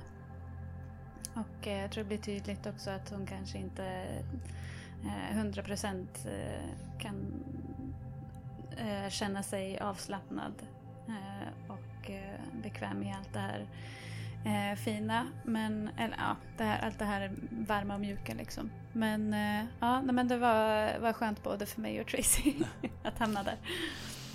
Ja, och jag kände också så här att det är en viktig sak att få med också där så att du har några som du känner att du kan bonda med som du kan lita på. Alltså både Rose och Brendan är ju i grunden good guys då som vill hjälpa och jag vet hur hela den här incidenten där när du sitter förlåt, förlåt, förlåt, alltså att jag drar in er i det här. Och återigen ur deras perspektiv så är det liksom Ja, men det är ingen fara alltså. Vi gör det här på daglig basis alltså. Vi och du bara åh stackars eh, vanliga människor som jag ger den här eh, mörkret till nu alltså. Mm. Eh, och det är ju, det, det, är ju ändå någonting så där just fascinerande tycker jag med berättelser där man har olika perspektiv och att eh, det visar sig saker och ting. Alltså, för du ser ju bara ur din synvinkel och de ser ju ur sin synvinkel och sen så kan det bli lite så här intressanta eh, kulturkrockar. Mm. Ja, verkligen.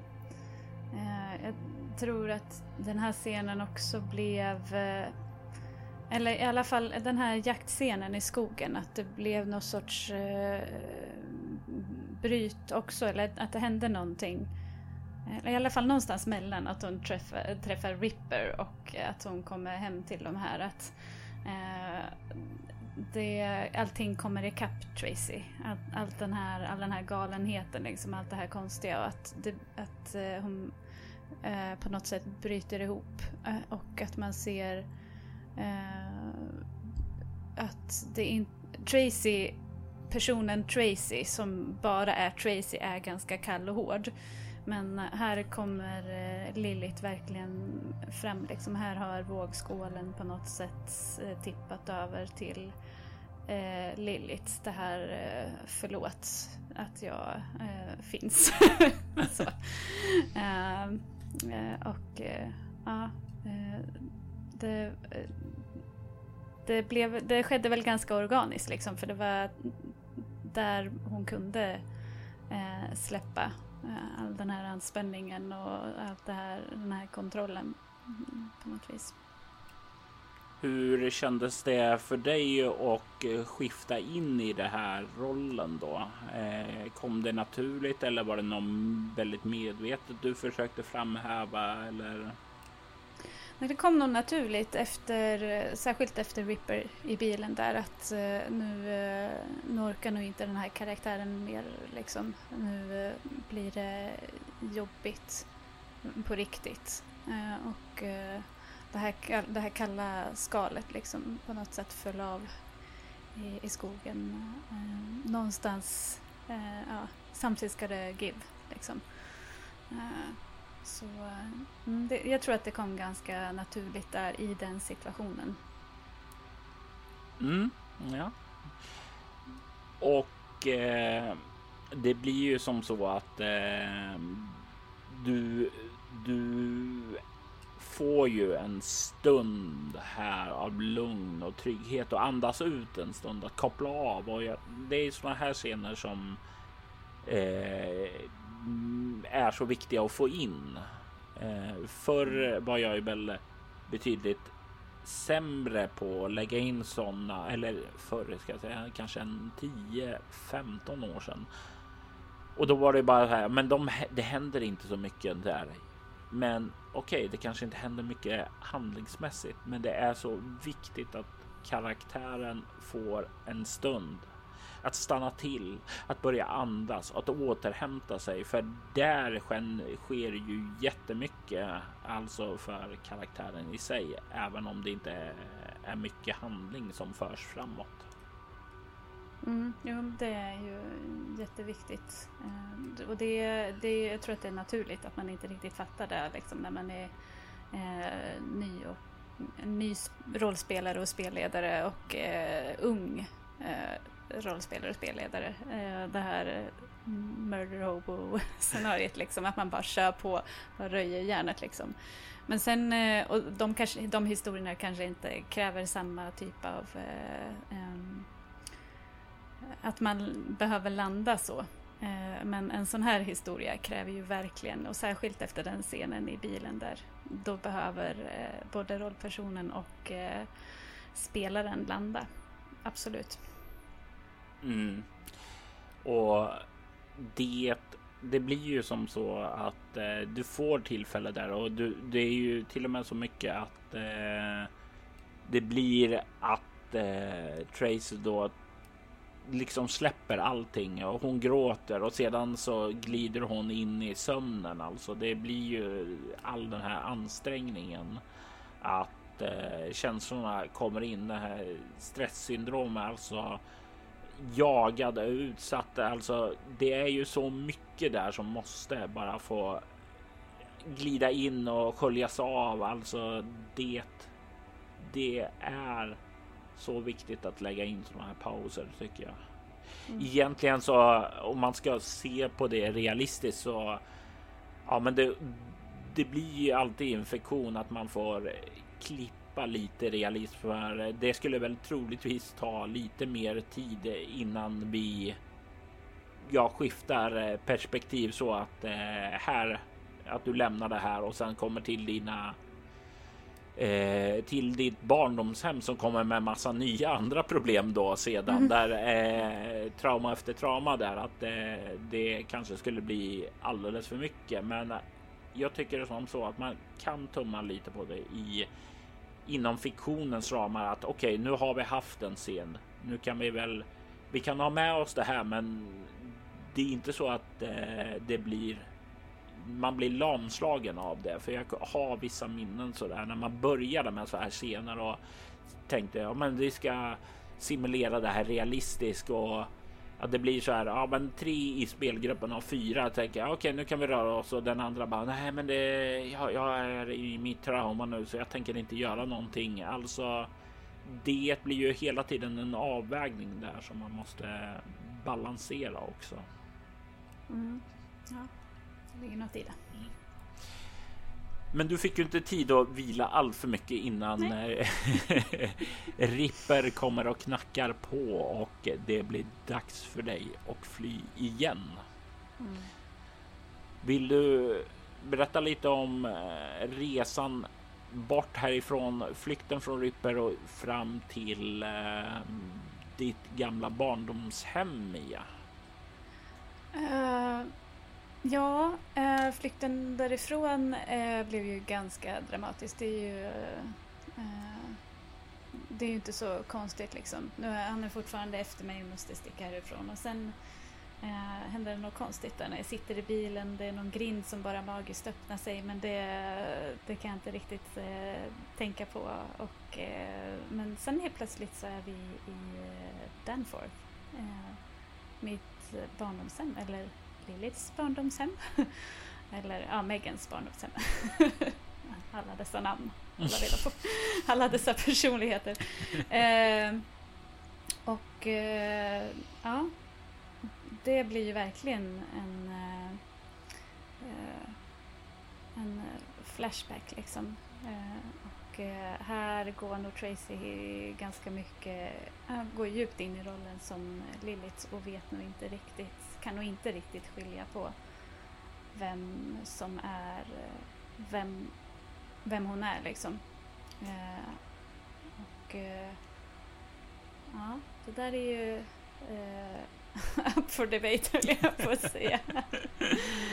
eh, men eh, ja, det blir ju ganska tydligt att eh, Lilith, eh, det är hennes hennes minnen som eh, styr och hennes eh, personlighet som eh, Tracy, eh, vad ska man säga, eh, går in i. Ja, ehm, och det, det blir ju, vad heter ehm, Ja, och du, du har ju helt rätt i att det är många personligheter och sådant som eh, far runt här. För nu har vi ju klivit in i den djungeln som eh, du eh, befinner dig i av namn och skärvor mm. av personligheter. Alltså det känns ju troligtvis mycket mer som en röra eftersom man inte har den övergripande bilden utan bara massa små pusselbitar som är utkastade överallt i ett väldigt huller om buller mönster då så att säga. Mm. Eh, men bara för att bidra med ännu mer förvirring här så är jag ju nyfiken på att vad vid det här laget när du anländer hit så har, har ju du hört då Ripper säga ja, Rada eh, snackar väldigt mycket om att du är Rada och att du ja, är skyldig honom massa saker och att du har stuckit kniv av honom där. Vad minns du om eh, hela den grejen? Var det någonting som du eh, avfärdade helt och hållet som ett eh, mistaken personality eller om att det var en, ytterligare något som du var men inte mindes och ja, lite kring Rada där. Vad skulle du säga om det Mia? Alltså jag och Mia tyckte att det var jättespännande. Åh, vad är det här för något nytt spännande som kan ha med det här att göra? Uh, Tracy var nog uh, både och. Att det, nej, men det måste vara fel liksom. Det här är någon galen, någon psykopat som jag har träffat på här. Men också den här igenkänningen att ja men det här med reinkarnation, att eh, det här med personligheter och den här trasigheten liksom som eh, Ripper har satt fingret på att ah, du måste vara en, en, en tillhöra en av de här trasiga cyklerna liksom. Mm. Uh, och att det finns en stor igenkänning där hos Tracy att ja, men det är ju det det är så jag känner. Eh, så att eh, om ni nu inte helt avfärdar det. Eh, så ja, det är väl där hon är liksom. Mm. Och det, det är ju lustigt här för eh, både säsong 1 och eh, säsong 2 har ju egentligen övergripande dramatiska strukturer som kanske inte är eh, så som de rekommenderas att struktureras. Alltså man talar ju om att eh, det ska vara kurvor, att en berg och dalbana helt enkelt. Men båda säsongerna har ju en liknande struktur. Alltså vi startar i 110 eh, och sedan så saktar vi in och tar det liksom lugnare på slutet. Och vanligtvis brukar det kanske vara snarare tvärtom då. Men här i säsong två så blir det ju, vi går från den här jagande skräcken, actionen så istället, vi går från action och skräcken in på en annan typ av eh, skräck, alltså det mer personliga planet, att du kommer nära de här personerna som du minns med värme. Men men vänta nu, du minns ingenting av dem egentligen. Du är ju inte ens den här personen och du, du hamnar i en helt annan situation av en lite mer personlig tryckande skräck där. Mm. Hur kändes det att skifta perspektiv i de här obehagskänslorna? Uh, det, var, det var väldigt jobbigt. Jag, fick, jag hade stor uh, empati. Det har jag haft från början. Det är viktigt, tänker jag, att man kanske har det. För att, att, att ha empati för den karaktär man spelar. Men uh, att jag kände verkligen för Tracy där att hon har de här minnena och vill så gärna vara i det här, vara Lilith på något vis för att det är så eh, eh, ljust och fint. Men hon är ju inte det. Eh, hon är ju inte Lilith. Det är ju Tracy, hon har ju gjort någonting eh, fruktansvärt. Hon har ju tagit en annan persons eh, kropp och låtsas vara den personen. Och nu ska hon eh, liksom eh, förlika sig med att eh, hon faktiskt vill vara den här personen som hon låtsas vara men inte kan vara. Det är sorgligt. Och det blir ju som sagt var väldigt. Eh, ja, det är väldigt mycket så här drama Eh, skulle jag säga mer om man ska se till övergripande genre där när din eller Megans mor kommer dit in tillbaka och ni sitter där och pratar med varandra och ni ekar som du säger då. Vi ekar ju bara varandra när vi säger förlåt där. Och det, det blir väldigt, väldigt tungt där och det blir ju sen sedan när du får möjlighet att fly därifrån. Återigen så flyr du ju, men den här gången upp till eh, ditt eget rum då. Megans rum. ja, precis, precis. Megans rum ska jag säga. Ja. Eh, och du förbannar ju där också Megan när du hittar hennes eh, gamla dagbok då. Ja ja, någonstans kan man ju projicera sin frustration. Om man skyller på någon annan behöver man inte skylla på sig själv.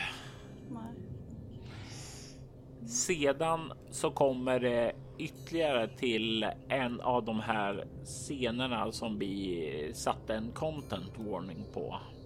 Mm. Och det är ju i eh, avsnittet då du får möta Trey för första gången då han har återvänt hem för att konfrontera dig. Vad eh, är din minne från det här? Uh, mitt minne är att jag blir väldigt, uh, eller Tracy blir väldigt rädd. Och att uh, jag, Mia, blir väldigt ledsen. För att både jag och Tracy har ju på något sätt inbillat oss att allt ska bara vara bra. Att, det ska, att Tracy ska få träffa sin bror. Eh, ja, eh, Lilith, Megan, ska få träffa sin bror. Och att han ska vara eh, en, empatisk eh, och att eh, de ska kunna ha en eh, relation. Eh, jag, Mia, hade gärna velat det. Eh, någon, och, och jag, alltså där gick jag ju verkligen in i eh, den här eh, eh villfarelsen. Att eh, eh, det skulle kunna eh, ske. Eh, ja. Jag, jag, såg framför mig verkligen på riktigt att det hade kanske kunnat blivit någonting bra utav det. Liksom. En bror, det låter mysigt och trevligt.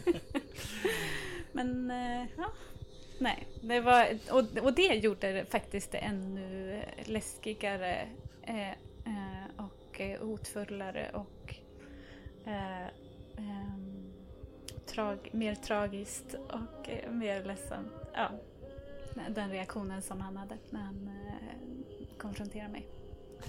Jag tror det är något i det här avsnittet att säga Jaha, jag hade en bror och jag hade tänkt att vi skulle göra det. Och så bara, och så så djup suck där och alltså bara hörs hur liksom ditt hjärta krossas lite där och det gör så mm. ont varje gång jag hör det. Eh, så eh, ja, riktigt, riktigt bra spelat där. Alltså det känns eh, skönt när du krossar våra hjärtan Mia. Ja. ja. Eh, gör det så gärna. eh, och det här var ju också en sån här scen att eh, återigen när vi talade ur eh, olika perspektiv, alltså om vi kollade ur Trays perspektiv. Om du hade spelat honom och kommit och hört att eh, den här personen som har tagit din systers kropp och krossat hennes liv och eh, så nu är hemma hos din mamma och härjar omkring. Alltså hur skulle du själv reagera? Alltså det, det blir ju återigen att eh, man har så olika syn beroende ur olika perspektiv. Alltså den om det blir att den dagen som jag tar mig i kragen och gör Morganheim som en podd. Ja, då kommer ju genast att Trey att starta på minus tusen poäng för den spelaren eftersom du har redan eh, alla sympatiserar då med eh, dig då, eh, Tracy Lilith Megan. Mm. Varsågod. Eh, men det är återigen där som man brukar säga. Alla är hjälten i sin egen berättelse. Ingen är sin egen skurk då. Ehm, och det är ju lite det. Och som du då också tar upp sedan där när han säger att ni, ja men jag kommer att dyka upp sen och sen så ska vi spela att allting är bra. Och du bara säger, mm. kommer han kunna göra det och sådant? Och han kommer ju in där väldigt fokuserad och sådant där. Ur hans perspektiv så är det ju, han, han hatar ju allting i det, men eh, det enda egentligen han tänker på är att jag måste hålla det samman där för mamma och få det här bort så hon inte blir krossad igen då. Mm. Men det är ju inte riktigt eh, ur hans perspektiv som Megan ser det, utan jag, jag, jag får nästan känsla av att det här är liksom sista hoppet till lycka liksom som rycks lite grann undan under benen från henne. Ja, ja verkligen. Eh, då, eh, då, som du säger, då krossas eh, Liliths, Megan, eh, Tracys hjärta. Eh, som jag sa att jag hade ju på något sätt hoppats på en lycklig, någon sorts i alla fall relation med brorsan. Men... Eh, jag vill bara inflika här att det var inte bara du som hade hoppats på lycklig, lycklig försoning och slut och sådant där, utan det var många av lyssnarna som hoppades på det också. Ja, och jag är, det är jag jätteglad för. Men det jag tycker är bra också eh, med eh, all sorts historieberättande är ju när det inte finns eh, ett eh, tydligt eh, gott och ett tydligt ont, när det inte finns ett tydligt eh, mörker och ett tydligt ljus. När eh, alla har sina eh, brister och det finns olika synvinklar. Jag tycker att det blev väldigt bra eh, historieberättandet ur den synpunkten. Liksom, så. Eh, och eh, ja, eh, det... Um, I början tror jag att det tog mer av mig att, eh, att uh, vad ska jag säga? Uh, gestalta... Nej, jag vet inte vad jag skulle säga. Stryk det sista. det gör jag så gärna för dig, Mia. Eh, Men det blir, det blir ju där till slut, alltså så mycket känslor som virvlar omkring. Alltså det är ju en dröm som hon har haft om att eh, en lycklig återförening där som krossas och det blir liksom en eh, återgång till den här verkligheten. Just där, Ripper finns där ute fortfarande. Vad ska göras och sådant där och du har ju en eh, ja, form av livflotte då i form av eh, Brandon och Rose då som har eh, funnits där för dig och finns där för dig och de ger ju dig en eh, utväg eh, till en person som du kan tala med, nämligen en av urhäxorna, självaste Morgan. Mm. Och det eh, ledde ju dig på en helt annan färd eh, än vad jag kanske först hade tänkt. För det var kanske inte där som jag hade tänkt mig att föra dig, utan det bara blev så.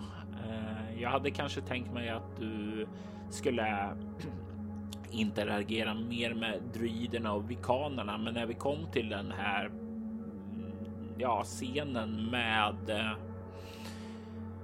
eh, när vi kom till den här scenen, när vi kom och lämnade. Men när vi hade liksom spelat ut den här scenen med familjen och sådant där så kändes det som okej, okay, nu har vi stängt igen eh, möjligheterna att interagera med druiderna på grund av Trey är inte förtjust i dig. Eh, då är det bara vikanerna kvar. Eh, Okej, okay, kan vi börja och peta dig in där? Men då kändes det ändå som att ja, men det, det blev väl att jag kanske lite undermedvetet pushade lite hårdare dig mot eh, Morgan istället och bara mest gav dig valen dit. Eh, jag vet ju inte om det kändes eh, helt uh, öppet för din sida eller om det var lite mer att uh, det kändes som att jag styrde dig där. Jag är osäker på det själv där, så jag är lite nyfiken på vad du kände.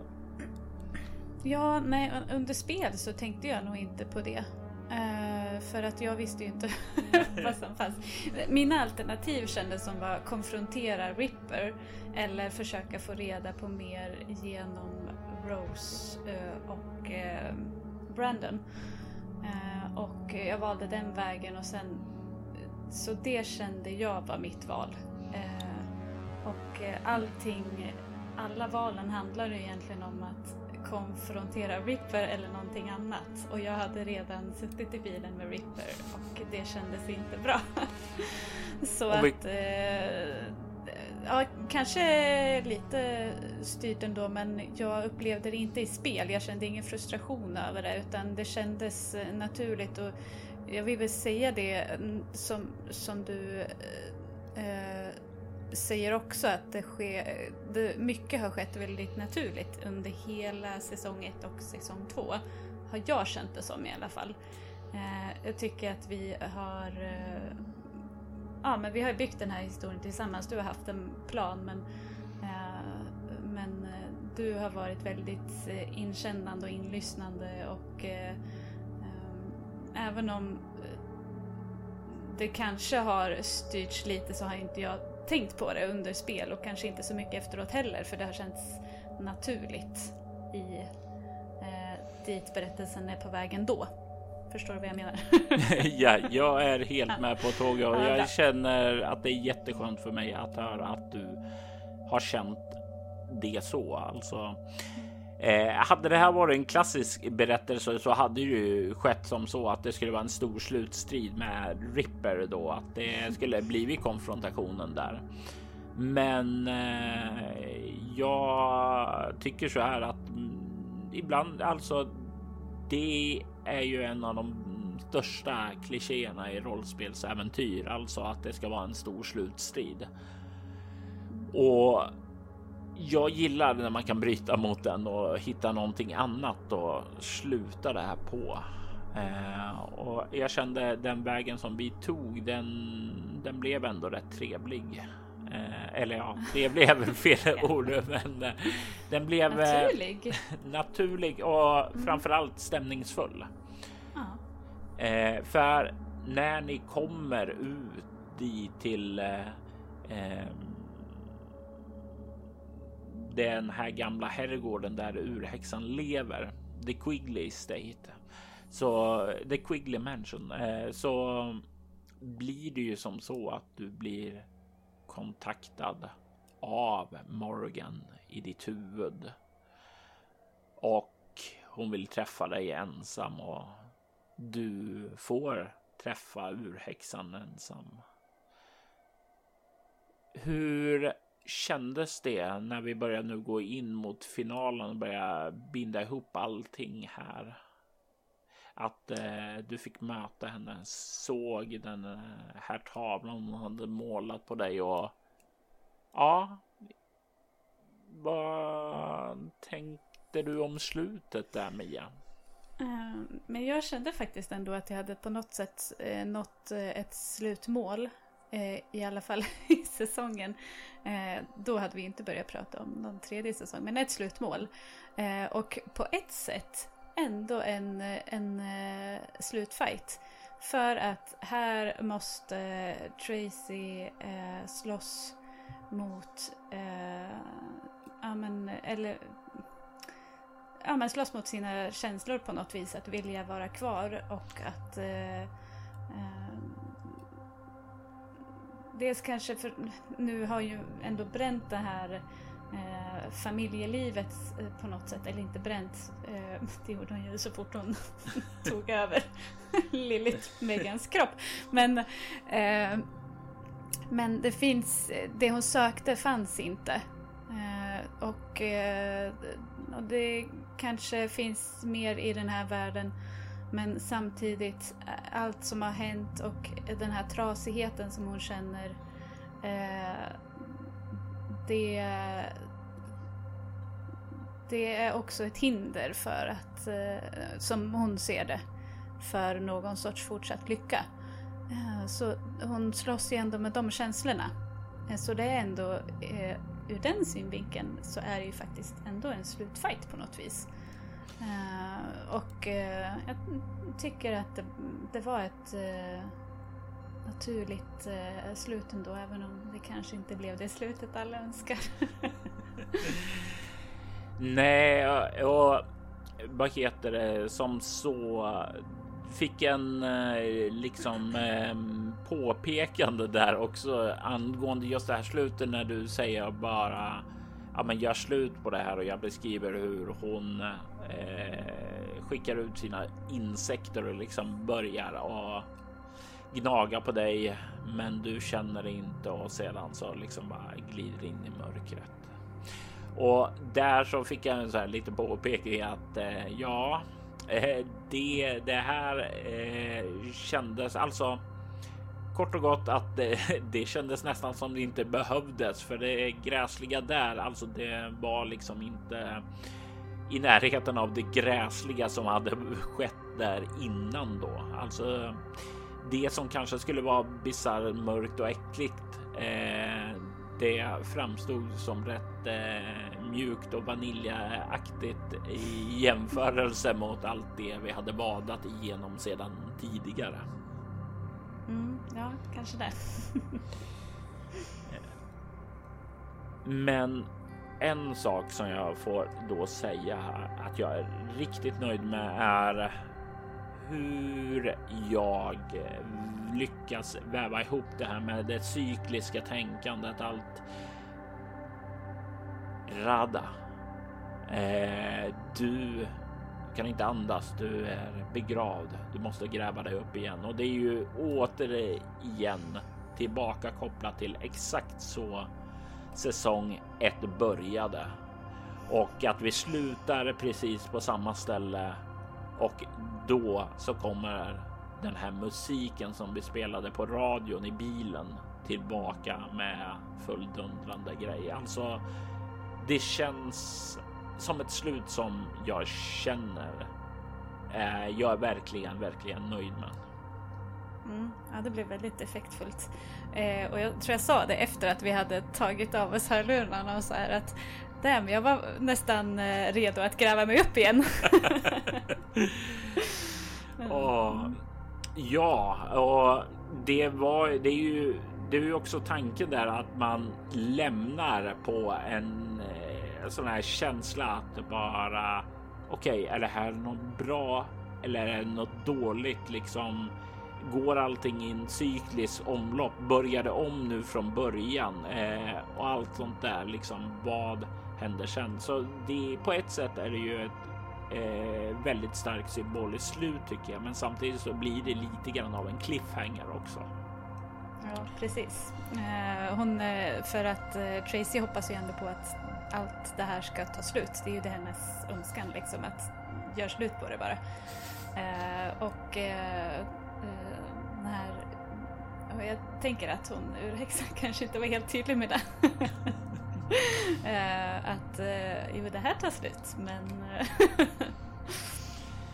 ja, och det här är ju någonting vad som händer sen det är ju någonting som jag eh, återigen inte sa till dig direkt då Mia, utan eh, vi avslutade och tackade för varandra och det var ju någonting. Jag vet inte om det var när vi började publicera säsong två då som eh, du skrev att åh, det här är så skoj och jag då i kommentaren skrev vänta tills säsong tre kommer då. Eh, och återigen Robert sätt att säga snälla, eh, vill du spela lite mer med mig? Exakt så. Eh, Eh, för det var ju någonting vi inte hade diskuterat så där jättemycket. Men eh, det blev ju så här. Jag kände ju jag ville spela återigen mer med dig. Det finns mer att berätta här.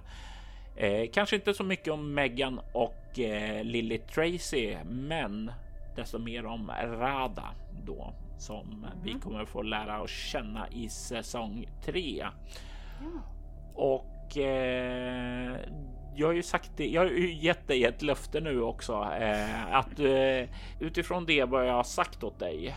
Eh, vad är det som du känner att lyssnarna kan få förvänta sig nu inför säsong 3? Oj, eh, eh, de kan nog förvänta sig en, eh, jag hoppas i alla fall, eh, att jag kan erbjuda en starkare personlighet. Eh, att man får möta en person som är lite mer självsäker. Eh, och, eh, men också ja, vad ska jag säga, utifrån det jag har fått eh, en, eh, en verklighet som är eh, kanske inte den vi är van vid. Eh, låter det för kryptiskt? jag vet det, inte riktigt vad jag ska säga. Nej, men det är en bra, bra grej där. Alltså mm. en sak som jag har lovat dig är ju att vi kommer se en annan person och eh, mm. bara det att du kommer få en eh, bakgrund nu som beskriver vem du är och eh, vad du kan, vad du vet och sådant där gör ju att du får en möjlighet att spela en stark karaktär där också. En. För det är ju det att eh, det här eh, Rada är inte en roll som söker efter vem hon är. Hon vet vem hon är. Du var ju inne på att du led av en förbannelse då eftersom Ja, Radas story var ju den som eh, Morgan berättade att du var ju djupt förälskad i den man som blev Ripper.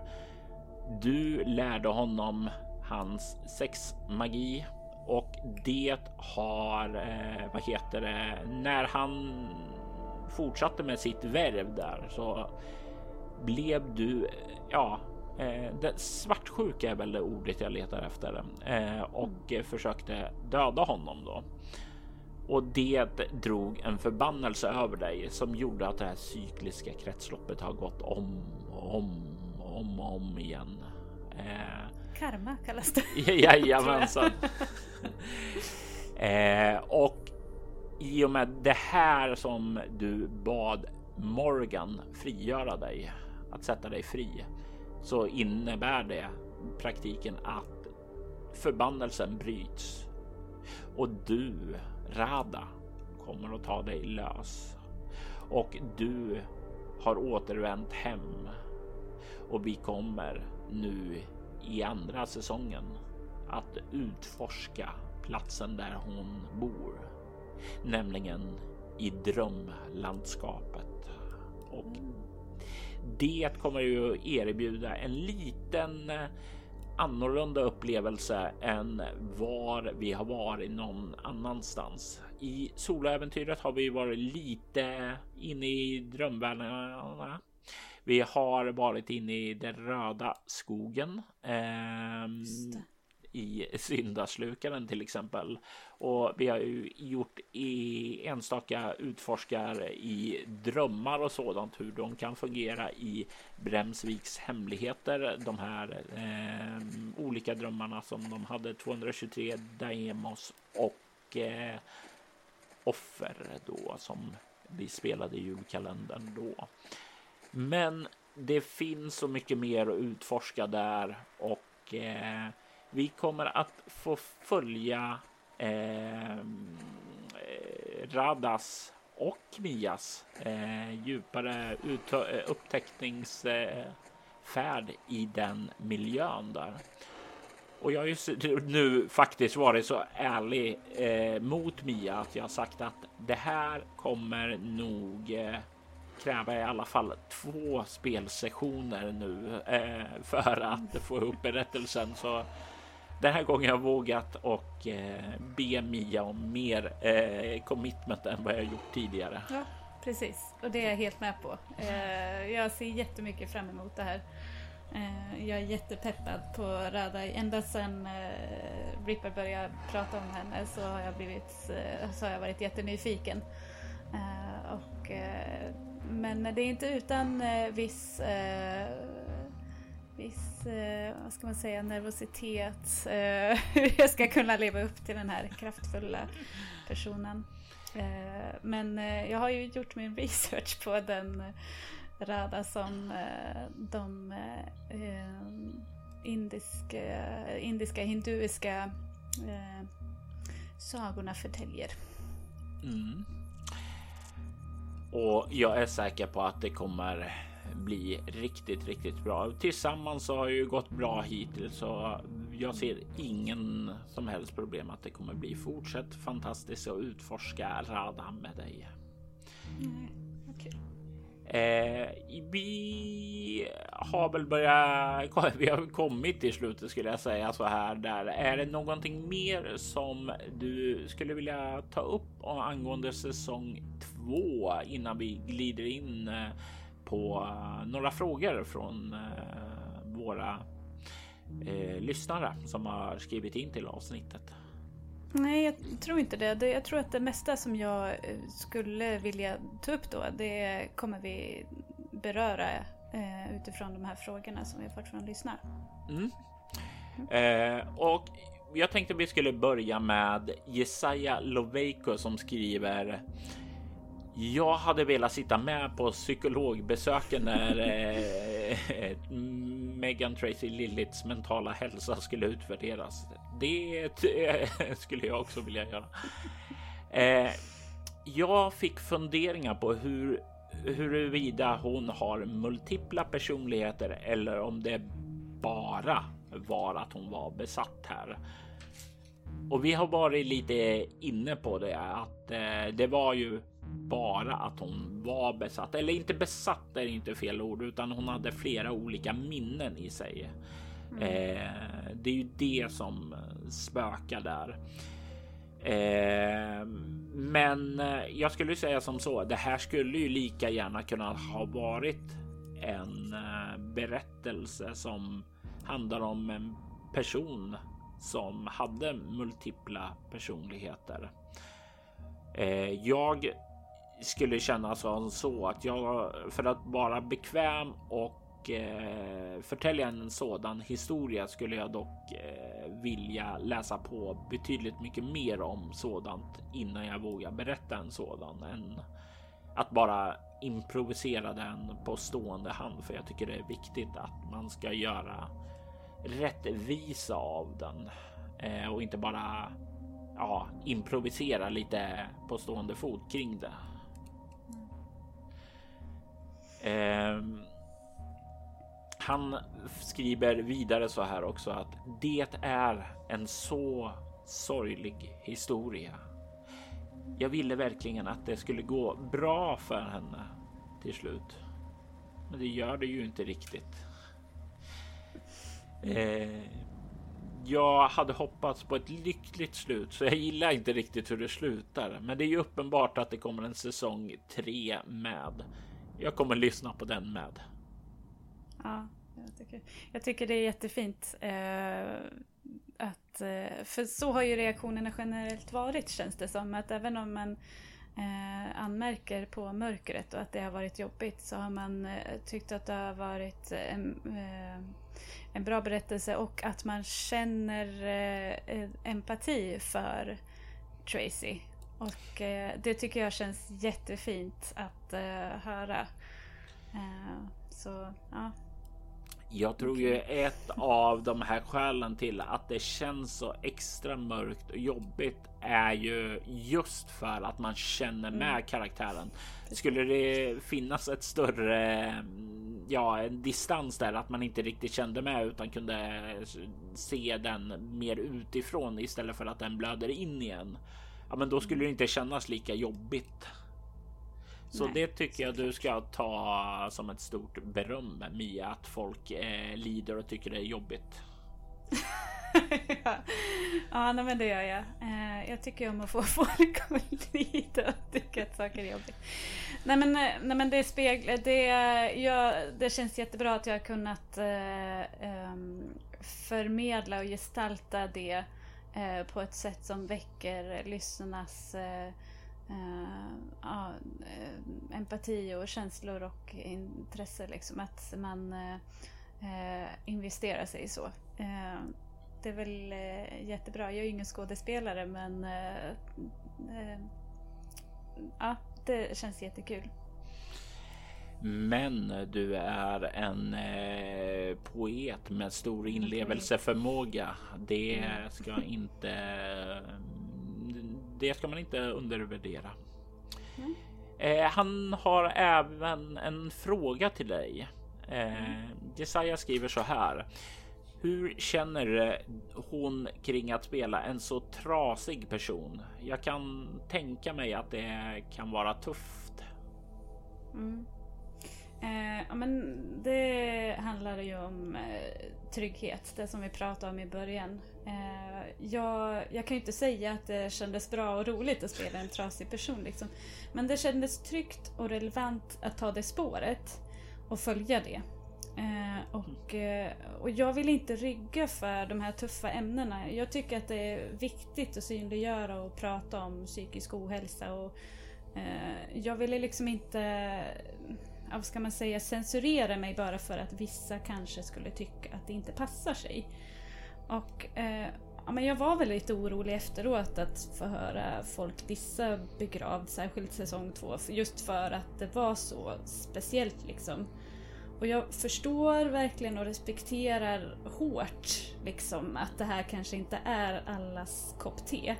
Och att det är långt ifrån alla som vill liksom ha det här i sin eskapism som ändå rollspel och eh, actual play ändå är för många. Mm. Uh, men jag ville som sagt inte liksom hålla tillbaka bara för det. Uh, men det är också mycket resultatet av att du Robert signalerade att du var öppen för, att, för alla tänkbara vägar liksom, som det här kunde ta. Och det är mm. ju din podd. Så jag tänkte, ja, men jag kände under hela tiden att dels så skedde det skedde liksom eh, väldigt organiskt mellan oss två. Mm. Och jag var trygg ända från början att eh, utforska det här tillsammans med dig. Så eh, jag liksom, eh, även om jag inte under spelets gång tog några, eh, några aktiva beslut att eh, jag går med det här så hade jag ändå en känsla hela tiden att Eh, jag följer det här och ser vart det tar mig och sen om det blir jobbigt så är jag trygg med att säga stopp. Eh, så eh, ja, om det är svar på frågan så det kändes inte bra men det kändes relevant faktiskt. Så, så är det ju alltså. Det, det är ju något. Det är ju väldigt stor skillnad. Jag en eh, rollspels kollega till mig, Mikael eh, Bergström, som skriver flera olika rollspel. Han brukar ju säga som så att han spelar inte rollspel för att det är roligt. Han spelar rollspel för att det är givande. Just mm. eftersom den här känslan rolig, det är bara en känsla. Man kan spela det för mm. att få känna kicken av att lösa ett problem för att man ska kunna få känna sig helt förkrossad över någonting. Det, alltså, det finns så många olika känslor som eh, hobbyn kan erbjuda och att då bara begränsa sig till en. Det känns bara dumt. Och jag, jag, känner ju som så att eh, jag gillar generellt lite mörkare touch. Jag gillar det eftersom man kommer åt andra känslor och sådant. Och generellt så skulle jag väl säga att eh, det finns eh, inte så mycket mörka poddar. alltså det, visst, det finns folk som spelar skräck och sådant, men ofta är det eh, ganska ändå avslappnat eh, och med ett visst ljus i sig eller så blir det så här överdrivet. Eh, vad ska man säga? Eh, så köttigt och så mm. att man inte riktigt känner det här vardagsångest och sådant där. Eh, det känns inte. Man blir mer disconnectad, alltså. Det känns inte på riktigt, utan det känns som att nu går vi in i Lovecraft eh, galore, alltså den typen mm. av grejer. Och det, det har ju sitt syfte och, och det absolut, är ju absolut. jättekul och så. Eh, och eh, jag vill ju understryka att under spel och innan så var ju inte syftet med eh, särskilt säsong två att gå in i det här mörka, djupa psykologiska ohälsan. Det bara blev så. Men vi var öppna för, för att det kunde ta den vägen. Och eh, vi hade inte pratat om det innan jättemycket, att eh, vi inte skulle liksom hålla tillbaka. Men eh, och under spel så tänkte ju inte jag på att oj, det här kanske inte blir så bra podd, det här kanske blir känsligt. Utan jag levde mig in. Och, eh, och sen litar jag på att du vet vad som eh, är bra för din podd liksom. Ja, och det är alltså och jag kände ju ska jag säga under hela tiden vi spelade alltså att det, eh, det är så mycket genuina känslor här alltså och mm känslorna är känslorna genuina så känns det oftast en som ja, är de känslor du hade genuina eh, så är det ofta vad heter det? Det, det är ren poddguld skulle jag säga då så att säga. Så eh, det var aldrig någonting som jag ens reflekterade över. Blir det här bra podd eller inte? För jag kände att det här är bra podd hela tiden när vi spelade. Ja, precis. Och de här, alltså, de här känslorna som jag gestaltar. Eh, men eh, det kan jag ju säga, jag har koll på de känslorna. Jag vet, eh, liksom, jag har känt de känslorna. Eh, men jag har, jag har koll på dem och jag vet hur jag ska tackla dem när de kommer. Och därför kände jag mig trygg att gestalta dem också. Och, och ta fram dem och utforska dem och titta på dem och klämma på dem och känna på dem. Och för att återknyta liksom... Ja, nej, jag vet inte vad jag ska säga men... Eh, ja, men det, det kändes eh, tryggt och det kanske finns en... Jag vet inte, vi, jag vet inte om vi har pratat om det, det här med bleed liksom. Att man eh, mm. själv eh, blöder igenom ens egen spelarens personlighet blöder igenom på rollpersonen. Uh, och uh, jag tror att de som känner mig kanske ser det, kan se det i mm. uh, Tracy. Eh, men, och, och, så blev det för att jag kände, mig, jag kände mig trygg att ta fram de känslorna för jag vet hur jag ska hantera dem. Liksom. Jag har varit i dem och eh, eh, jag vet hur de känns. Och, jag är trygg i dem. Liksom så. Och återigen, det hade ju varit en extremt dålig idé att spela den här typen av scenarion medan du faktiskt var i dem då så att säga. Ja, precis.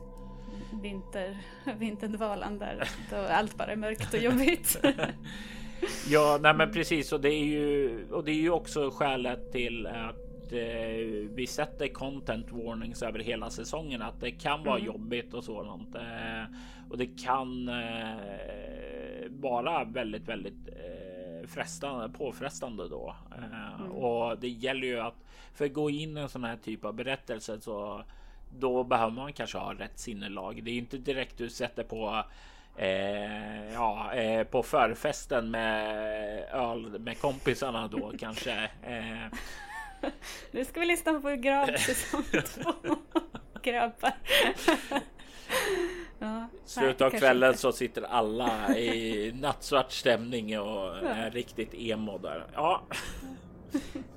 Kanske är bra för vissa, jag vet inte. Plocka ja. fram era känslor, känn, känn och kläm på dem lite grann. Ja, men det, det är också någonting jag tycker är viktigt där och varför det är eh, bra att det finns så många olika poddar nu, att det finns så många mm. olika smaker som för då kan man. Eh, då behöver inte alla servera vanilj och choklad, utan då kan du få ta fram den här regnbågsglassen också eller den här eh, nattsvart svarta eh, nyansen där av... Lakrits. Eh, ja, precis. Lakrits är passande med tanke på att eh, Ripper ja, är kopplat. Jag gillar inte lakrits for, for the record. Särskilt inte längre. Nej, precis. Inte efter det här. Um, Mm, eh, vi har lite, vi har en eh, kommentar till eh, och den här fortsätter från John Hauge Evaldsson. Det är tekniskt sett två kommentarer som jag fogat ihop till ett här, så jag hoppas nu att det är förståeligt. fantastisk gestaltad av er båda hela säsongen. Jag hade önskat att Tracy hade gjort ett annat val i slutet. Jag kände igen det här. Men det var väldigt i linje med vad som hade varit. Det tragiska slutet är väl de man kommer ihåg. Men jävlar vad smärtsamt. Mm. Och här kommer en ny kommentar eh, väl från eh, då när vi slungade ut den eh, tidigare i veckan när vi spelade in det här eh, om att få in lite extra Eh, tankar och åsikter där som han skrev. Det blev väldigt starkt och ni bryter återigen ny mark för vad en actual play podd kan göra och hur tunga ämnen som kan behandlas all heder åt er. Och det här är ju det som vi, vi var lite inne på det att eh, det är ju eh, en möjlighet att presentera fler smaker. Alltså, det finns tycker jag väldigt, väldigt få sådana här allvarsamma, tyng, allvarstyngda poddar här ute. Det spontant som jag tänker på först är ju Svartviken eh, rollspelspodd av det här avsnitten om spelar medberoende. Ja, eh, om eh, hur det är att leva med för ett barn att leva med alkoholism där alltså som mm. är skrivet av Max Wallander eh, från rollspelskollektivet. Jag hoppas mm. det är Max Wallander. Annars så. Ja, jag tror det. Ja, tack. Eh, eh, skönt att ha med sig någon som man kan få stöd i. För har man fel så har man fel båda två. Ja, precis. tack. Eh, och det, det var ju alltså. Jag kan ju säga som så att det var ett sånt här väldigt, väldigt tungt avsnitt att lyssna på. Jag kommer ju ifrån ett samhälle, eller inte. Äh, jag kommer från en familjesituation där eh, alkoholism eh, var en del av vardagen som man kände där att det slog väldigt, väldigt nära ändå på ett sätt mm eh, inte många andra poddar gör. Alltså det, det var skoj att se. Det, det var ett tungt ämne som behandlades bra. Mm. Ja, och jag kommer ju från samma situation faktiskt. Eh, och har lyssnat på det och jag tycker att det var väldigt eh, bra, starkt och modigt gjort av dem att ta upp det i en actual play. Eh, stor eloge att de eh, tog det och eh, gjorde det, släppte det liksom. Och jag hoppas ju på att vi får höra lite mer sådana här typer av poddar också, för det finns definitivt rum för det och jag tror också mm. att det är det är en sak som hjälper till att uh, få också hobbyn att uh, växa upp lite. Alltså, inte nödvändigtvis för att det måste växa upp och sådant, men jag tycker det är bra om vi får in ja, att vi fördjupar den med fler smaker, fler insikter, fler upplevelser. Mm, absolut. Det finns alltså rollspel har ju så oändliga möjligheter liksom. Eh, och det vore så synd att inte eh, täppa in på det liksom. Ja. Jon fortsätter här och sagt jag har väl jag har väl redan sagt lite hur jag upplevde det, men ni får gärna berätta hur ni jobbar med trygghet och sådant. Kan det vara så att eh, ju tryggare rum man har, desto hemskare kan det bli i spel? Mm. Ja, vi pratade ju lite i början här om eh, lite hur vi gjorde, men eh, vi gick ju igenom innan liksom vad jag inte ville se eller uppleva och eh, jag tror också att innan vi sågs, som sagt, att vi började prata eh, liksom lite om det. Och sen till och med hur vi la upp eller när vi planerade in, planerade in spelpassen, när det kändes bäst för mig. Eh, och eh, jag kände mig definitivt trygg genom hela båda inspelningar. Jag vill understryka det. Liksom, att eh, det blev väldigt mörkt men jag kände mig väldigt trygg genom båda inspelningarna och efter. Uh, för det är ju också viktigt att man efteråt känner att, uh, att man inte går därifrån liksom och känner att vad hände egentligen? Det här var inte alls kul. Och vad jag tror också gjorde det tryggt var ju att vi mellan säsong 1 och 2 pratade mycket om vad som hänt och hur vi eller jag tror att det påverkat Tracy liksom. Vi hade redan pratat lite grann kring det här eh, psykiska liksom så. Mm. Så ja, det är väl lite utifrån det. Jag, jag, jag kan ju bara så instämma i att kommunikation är ju mm. A och O. Mm. Och eh, om man pratar igenom vad som kan komma, alltså så då, då vet man då vet jag som spelledare vad som jag ska undvika och köra in på för spår.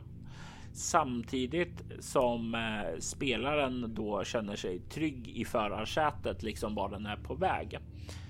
Eh, samtidigt så vet man ju aldrig till 100% vad alla ens triggers är. Alltså, jag har varit med om att eh, haft en spelare som liksom mitt under spelet var Ja, det här känns ju inte så bra. Jag visste inte att jag skulle reagera på det, men eh, okej, okay, eh, nu gör jag det. Kan vi backa? Och då, det är ju en sån där sak att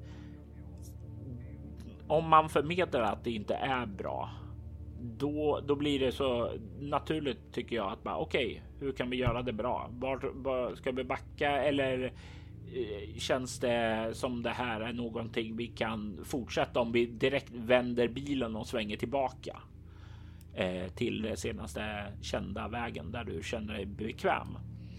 Mm. Och det kräver ju att jag lyckas etablera en eh, relation då till spelaren som eh, där den känner sig bekväm att faktiskt trycka på bromsen när det uppstår och mm. säga vad den vill. Och då är det ju väldigt, väldigt viktigt att man har ordentliga samtal innan och om man spelar igen även mellan som du är inne på. Mm. Eh, så det är därför jag försöker liksom när man inte känner någon så djupt eller har spelat mycket med den.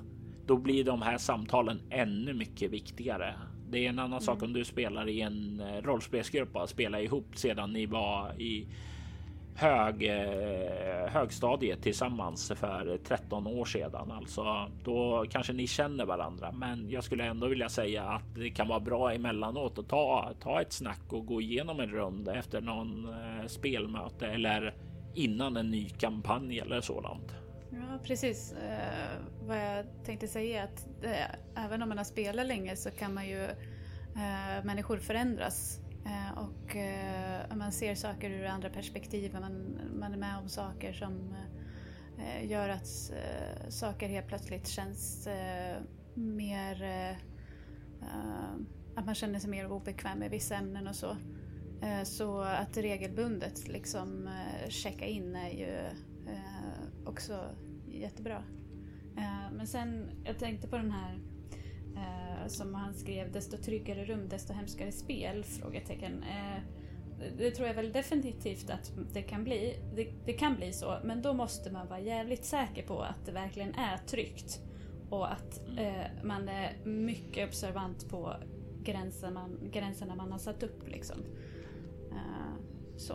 Ja. Jag tänker ju också så här att eh, om man känner att man är i ett tryggt rum så vågar man också blotta sig. Mm. Eh, för är det så här bara okej, okay, jag spelar med personer jag inte riktigt känner. Ja, men då okej, okay, jag vet inte vad det här är för spelare, så då kommer inte jag att ja, direkt eh, berätta om. Ja, men det, jag har svårt för det här för liksom då, då, man kanske inte vill delge de här personliga erfarenheterna eller till och med kanske trauman man har. Mm. Och eh, då, då, då blir det ju liksom så här. Men om du öppnar upp eh, för någon och finner dig i ett tryggt rum, ja, men då kanske man vågar och utforska det och då kan det ju bli så mycket hemskare. Men har du hamnat i en situation där du sitter med någon som du tror du litar på, den sviker ditt förtroende. Alltså det finns, fanns ju. Ja, det var ju ett väldigt upp, eh, uppmärksammat fall här att en eh, rollspelsstreamer bröt det här förtroende i en livestream då. Och eh, det, det var ju alltså där var det ju slarv med säkerhetsfrågor. Det var ju inte genomdiskuterat. Det kom från ingenstans och ja, det, eh, det var ju det var ju en tågkrasch att se. Alltså, det var ju definitivt en sån där situation där man kan eh, säga att eh, spelarna upplevde det säkert som det var ett tryggt rum, men så var det inte det och sen så plötsligt så blev det eh, bara konstigt fel och hemskt. Ja, det kan ju bara bli fel om man inte eh, liksom eh, grundar och bygger upp för att det ska vara tryggt och säkert och eh, kännas rätt liksom. Och det är återigen, det är därför det är så viktigt att vi tar och eh, faktiskt gör det här arbetet innan och inte eh, bara eh, rycker eh, det ur vårt arsle så att säga. Mm. Eh, jag tänkte som så att eh, för de som är intresserade av den här kontroversen så kan ni ju ta och googla lite på det. Eh, det var ju ja, streamen Far Verona säsong 2 eh, där det skedde och det var med Adam Köbbel som spelledare. Så där om ni vill se ett skräckexempel så går det att kolla in på det då.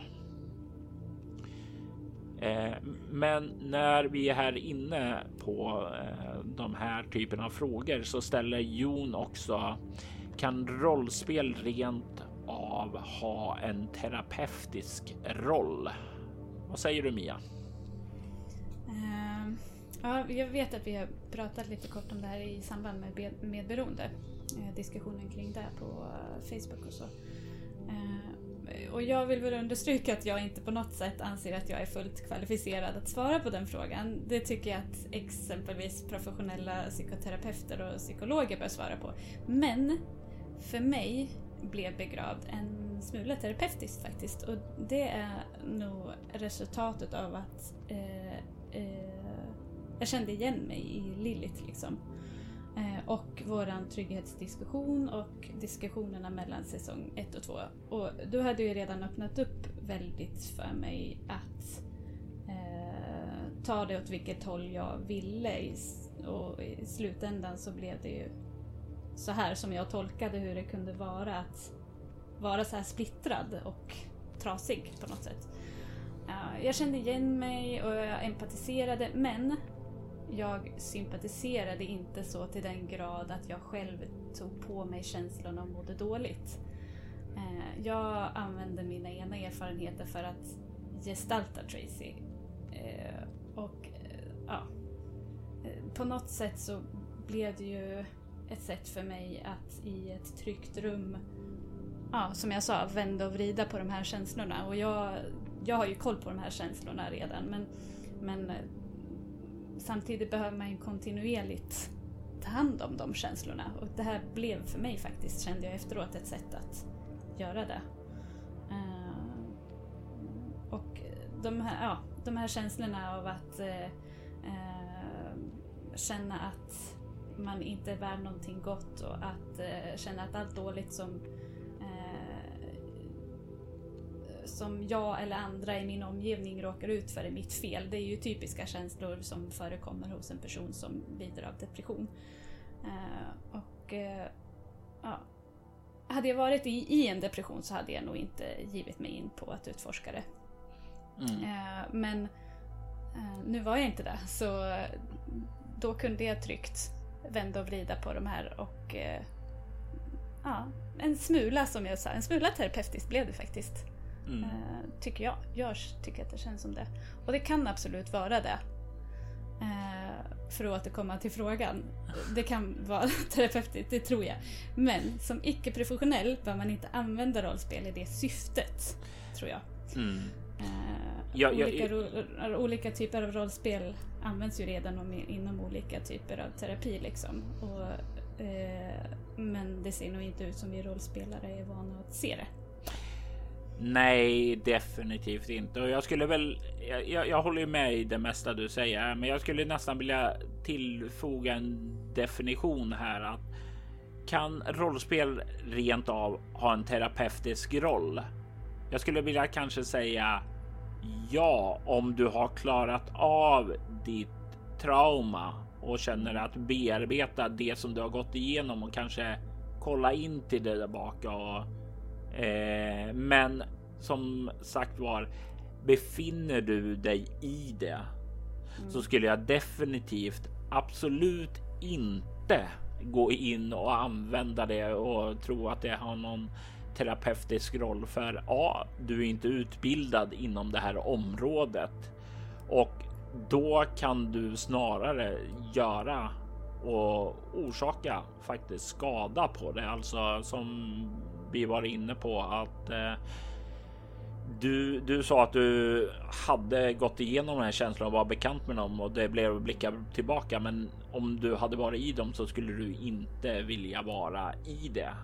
Om vi kollar tillbaka till Svartvikens medberoende, alltså jag undviker fortfarande generellt att spela karaktärer som är i närheten av alkoholism då. Alltså jag kan jag har kommit så långt att jag kan ha det i mina scenarion och sådant och spelledarpersoner och sådant. Men jag som spelare tycker fortfarande det är jobbigt om mina rollpersoner ska ha det. Så jag undviker det av det skälet till exempel. Ja. Nu har inte jag hamnat i den situationen, men, i, eh, men jag, jag känner ju mig själv att i, i verkliga livet så tycker jag att det är obehagligt med alkoholiserade människor.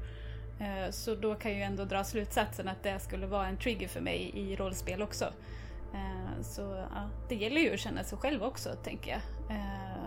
Men också viktigt att veta att man inte alltid känner sig själv och därför är det viktigt med trygga rum igen.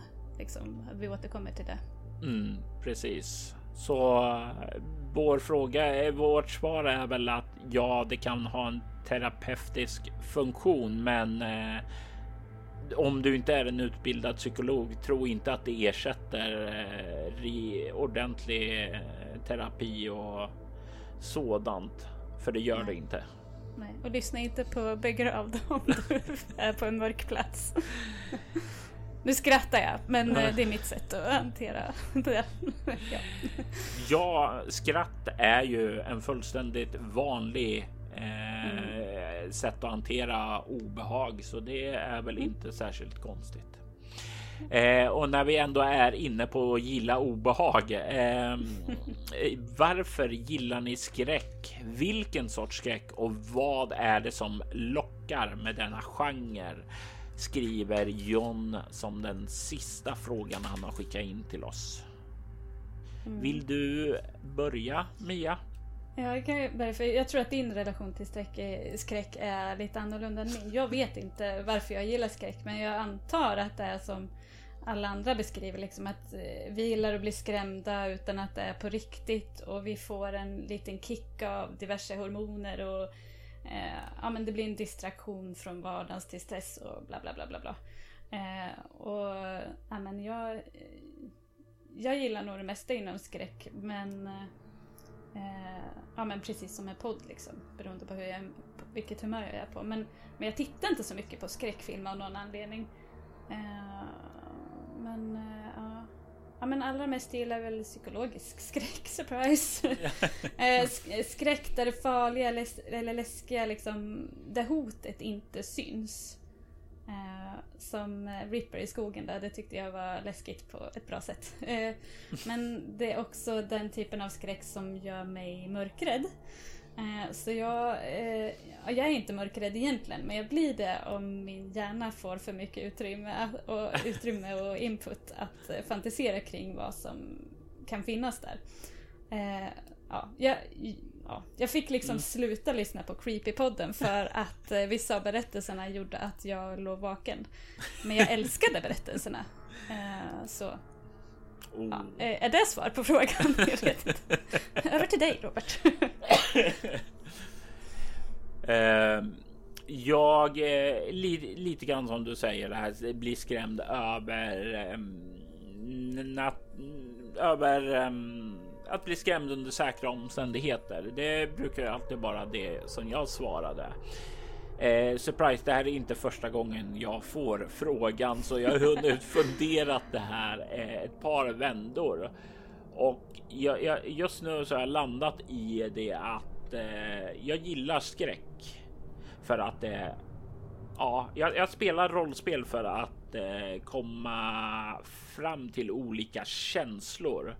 Och i skräck så är det ju verkligen eh, känslorna som står i centrum. Alltså i samma stund som du känner rädsla, obehag. Eh, det är ju känslorna som eh, du har liksom kommit i kontakt med. Sedan visst, det kan ju vara massa andra känslor också eh, glädje, eh, att du känner en eh, sense of accomplishment, att du eh, har många olika andra känslor också. Men på något sätt så tycker jag att skräcken eh, kry lättare kryper in under skinnet och kittlar ditt inre på ett sätt som det inte är lika lätt i andra genrer. Visst, det kanske är så att jag lättare och är mer kunnig inom den genren än inom ja, eh, Harlequin romansgenren eller eh, slapstick eh, humorsgrejen. Absolut. Eh, men det är väl eh, lite grann det här tänket om om du känner att du är bra på någonting ja, för all del vidareutveckla den eh, karaktären eller eh, ja, se till att du blir riktigt bra på en sak eller lite halvkass på alla. Det, det är väl därför jag gillar skräcken, att det är där som jag introducerades och det ger mig tillgång till det som jag älskar med hobbyn, känslor. Mm. Då så har vi nått till postmortem slut och precis så som Tracy började och precis så som Lilith Megan slutade och precis så som Rada just nu är så befinner vi oss vid vägens ände. I jorden, nedgrävd vid vårt slut. Det har varit fantastiskt att eh, få prata med dig Mia. Eh, denna terapisession efter två mm. sessioner av mörker tillsammans med dig. Ja, detsamma. eh, och det här har jag glömt fråga dig innan, så säg pass om mm. du inte vill det. Men ha, om man skulle vilja komma i kontakt med dig, har du någon? Eh, har du någon hemsida eller så du vill promota eller eh, om Ja, nej men eh, man kan väl... Eh, jag är ju inte så jätteprivat av mig längre. Är, nu är en del av poddvärlden eh, och jag syns lite där. Nej men om man vill ha något man vill säga till mig eller så, om man har något otalt med mig. eller bara så, ösa beröm över dig. Det, ja, ska du inte vara sån. Också. Det vore trevligt. man kan skriva till mig på Facebook. Facebook Facebook. Uh, och uh, sen har jag Instagram också. Uh, Rhizomatic Fuchsia. Det, jag tror att det är lite, ska, jag vet inte om jag ska stava det, men sen jag kommer att lägga in det ja. i poddavsnittet så ni kommer ja. att kunna följa henne om ni vill. Ja, precis. Men sen vill jag också plugga eh, mitt Instagramkonto för poesi. Maria Gibson Poesi eh, på Instagram det tycker jag definitivt ni ska eh, gå in och följa för det är eh, små fina eh, saker där som kommer som mm. får mig att leda. Jag ser dem. Vissa är väldigt poetiska och vackra och andra är liksom som en knytnäve rätt in i ansiktet där också. Så. Ja, jag utforskar många genrer eh, och eh, mitt senaste projekt här som jag fortfarande inte har eh, publicerat någonstans men som ni kan se fram emot är att jag är lite sugen på att skriva mer skräckpoesi. Surprise! uh, jag ser redan fram emot det. ja, eh, det tackar vi så väldigt, väldigt mycket för. Eh, mm. Och ni som sagt var, ni hittar länkar på det i avsnittets inlägg så att ni inte kommer kunna missa och följa hennes Instagram-konton. Det här är vägens ände åtminstone tills nästa vecka. Då vi sätter igång med säsong 3 av Begravd. Tack för att ni har lyssnat och välkommen in till drömlandskapets mystiska värld. I detta avsnitt har du hört mig, Robert Jonsson och Mia Gibson diskutera säsong 1 och 2 av Begravd. Nästa vecka så kommer ni att få höra den tredje säsongen starta. Begravs temamusik skapades av Jörgen Niemi från Källarspel och Mindy bräd och rollspelspodd. All övrig musik i detta avsnitt kommer ifrån Cryo Chamber och deras årssamlingar Cryo Chamber har en mycket behagfull, stämningsfull, ambient musik som passar perfekt kring ert spelbord. Ni hittar dem i länken till detta avsnitt. Soloäventyret är en actual play podcast där vi spelar rollspelen Bortom och Leviathan. Ni kan komma i kontakt med oss via mail på info.bortom.nu. Det går även att följa oss på Instagram och Twitter som @spelabortom på Facebook samt på bortom.nu. Känn er även fri att spana in vår spin-off-podd Altors vidder där vi spelar det klassiska rollspelet Drakar och Demoner i världen Altor. Ni är välkomna att lämna recensioner om podden på både Facebook och i era poddappar. Det uppskattas djupt av oss och kan leda till extra belöningar för er. Mitt namn är Robert Jonsson. Tack för att ni har lyssnat. Vi vill ta tillfället i akt att tacka, hylla och hedra våra Patreon-backar. Martin Stackelberg. Ty Nilsson. Daniel Pettersson. Daniel Lans och Morgan Kullberg. Ert stöd är djupt uppskattat.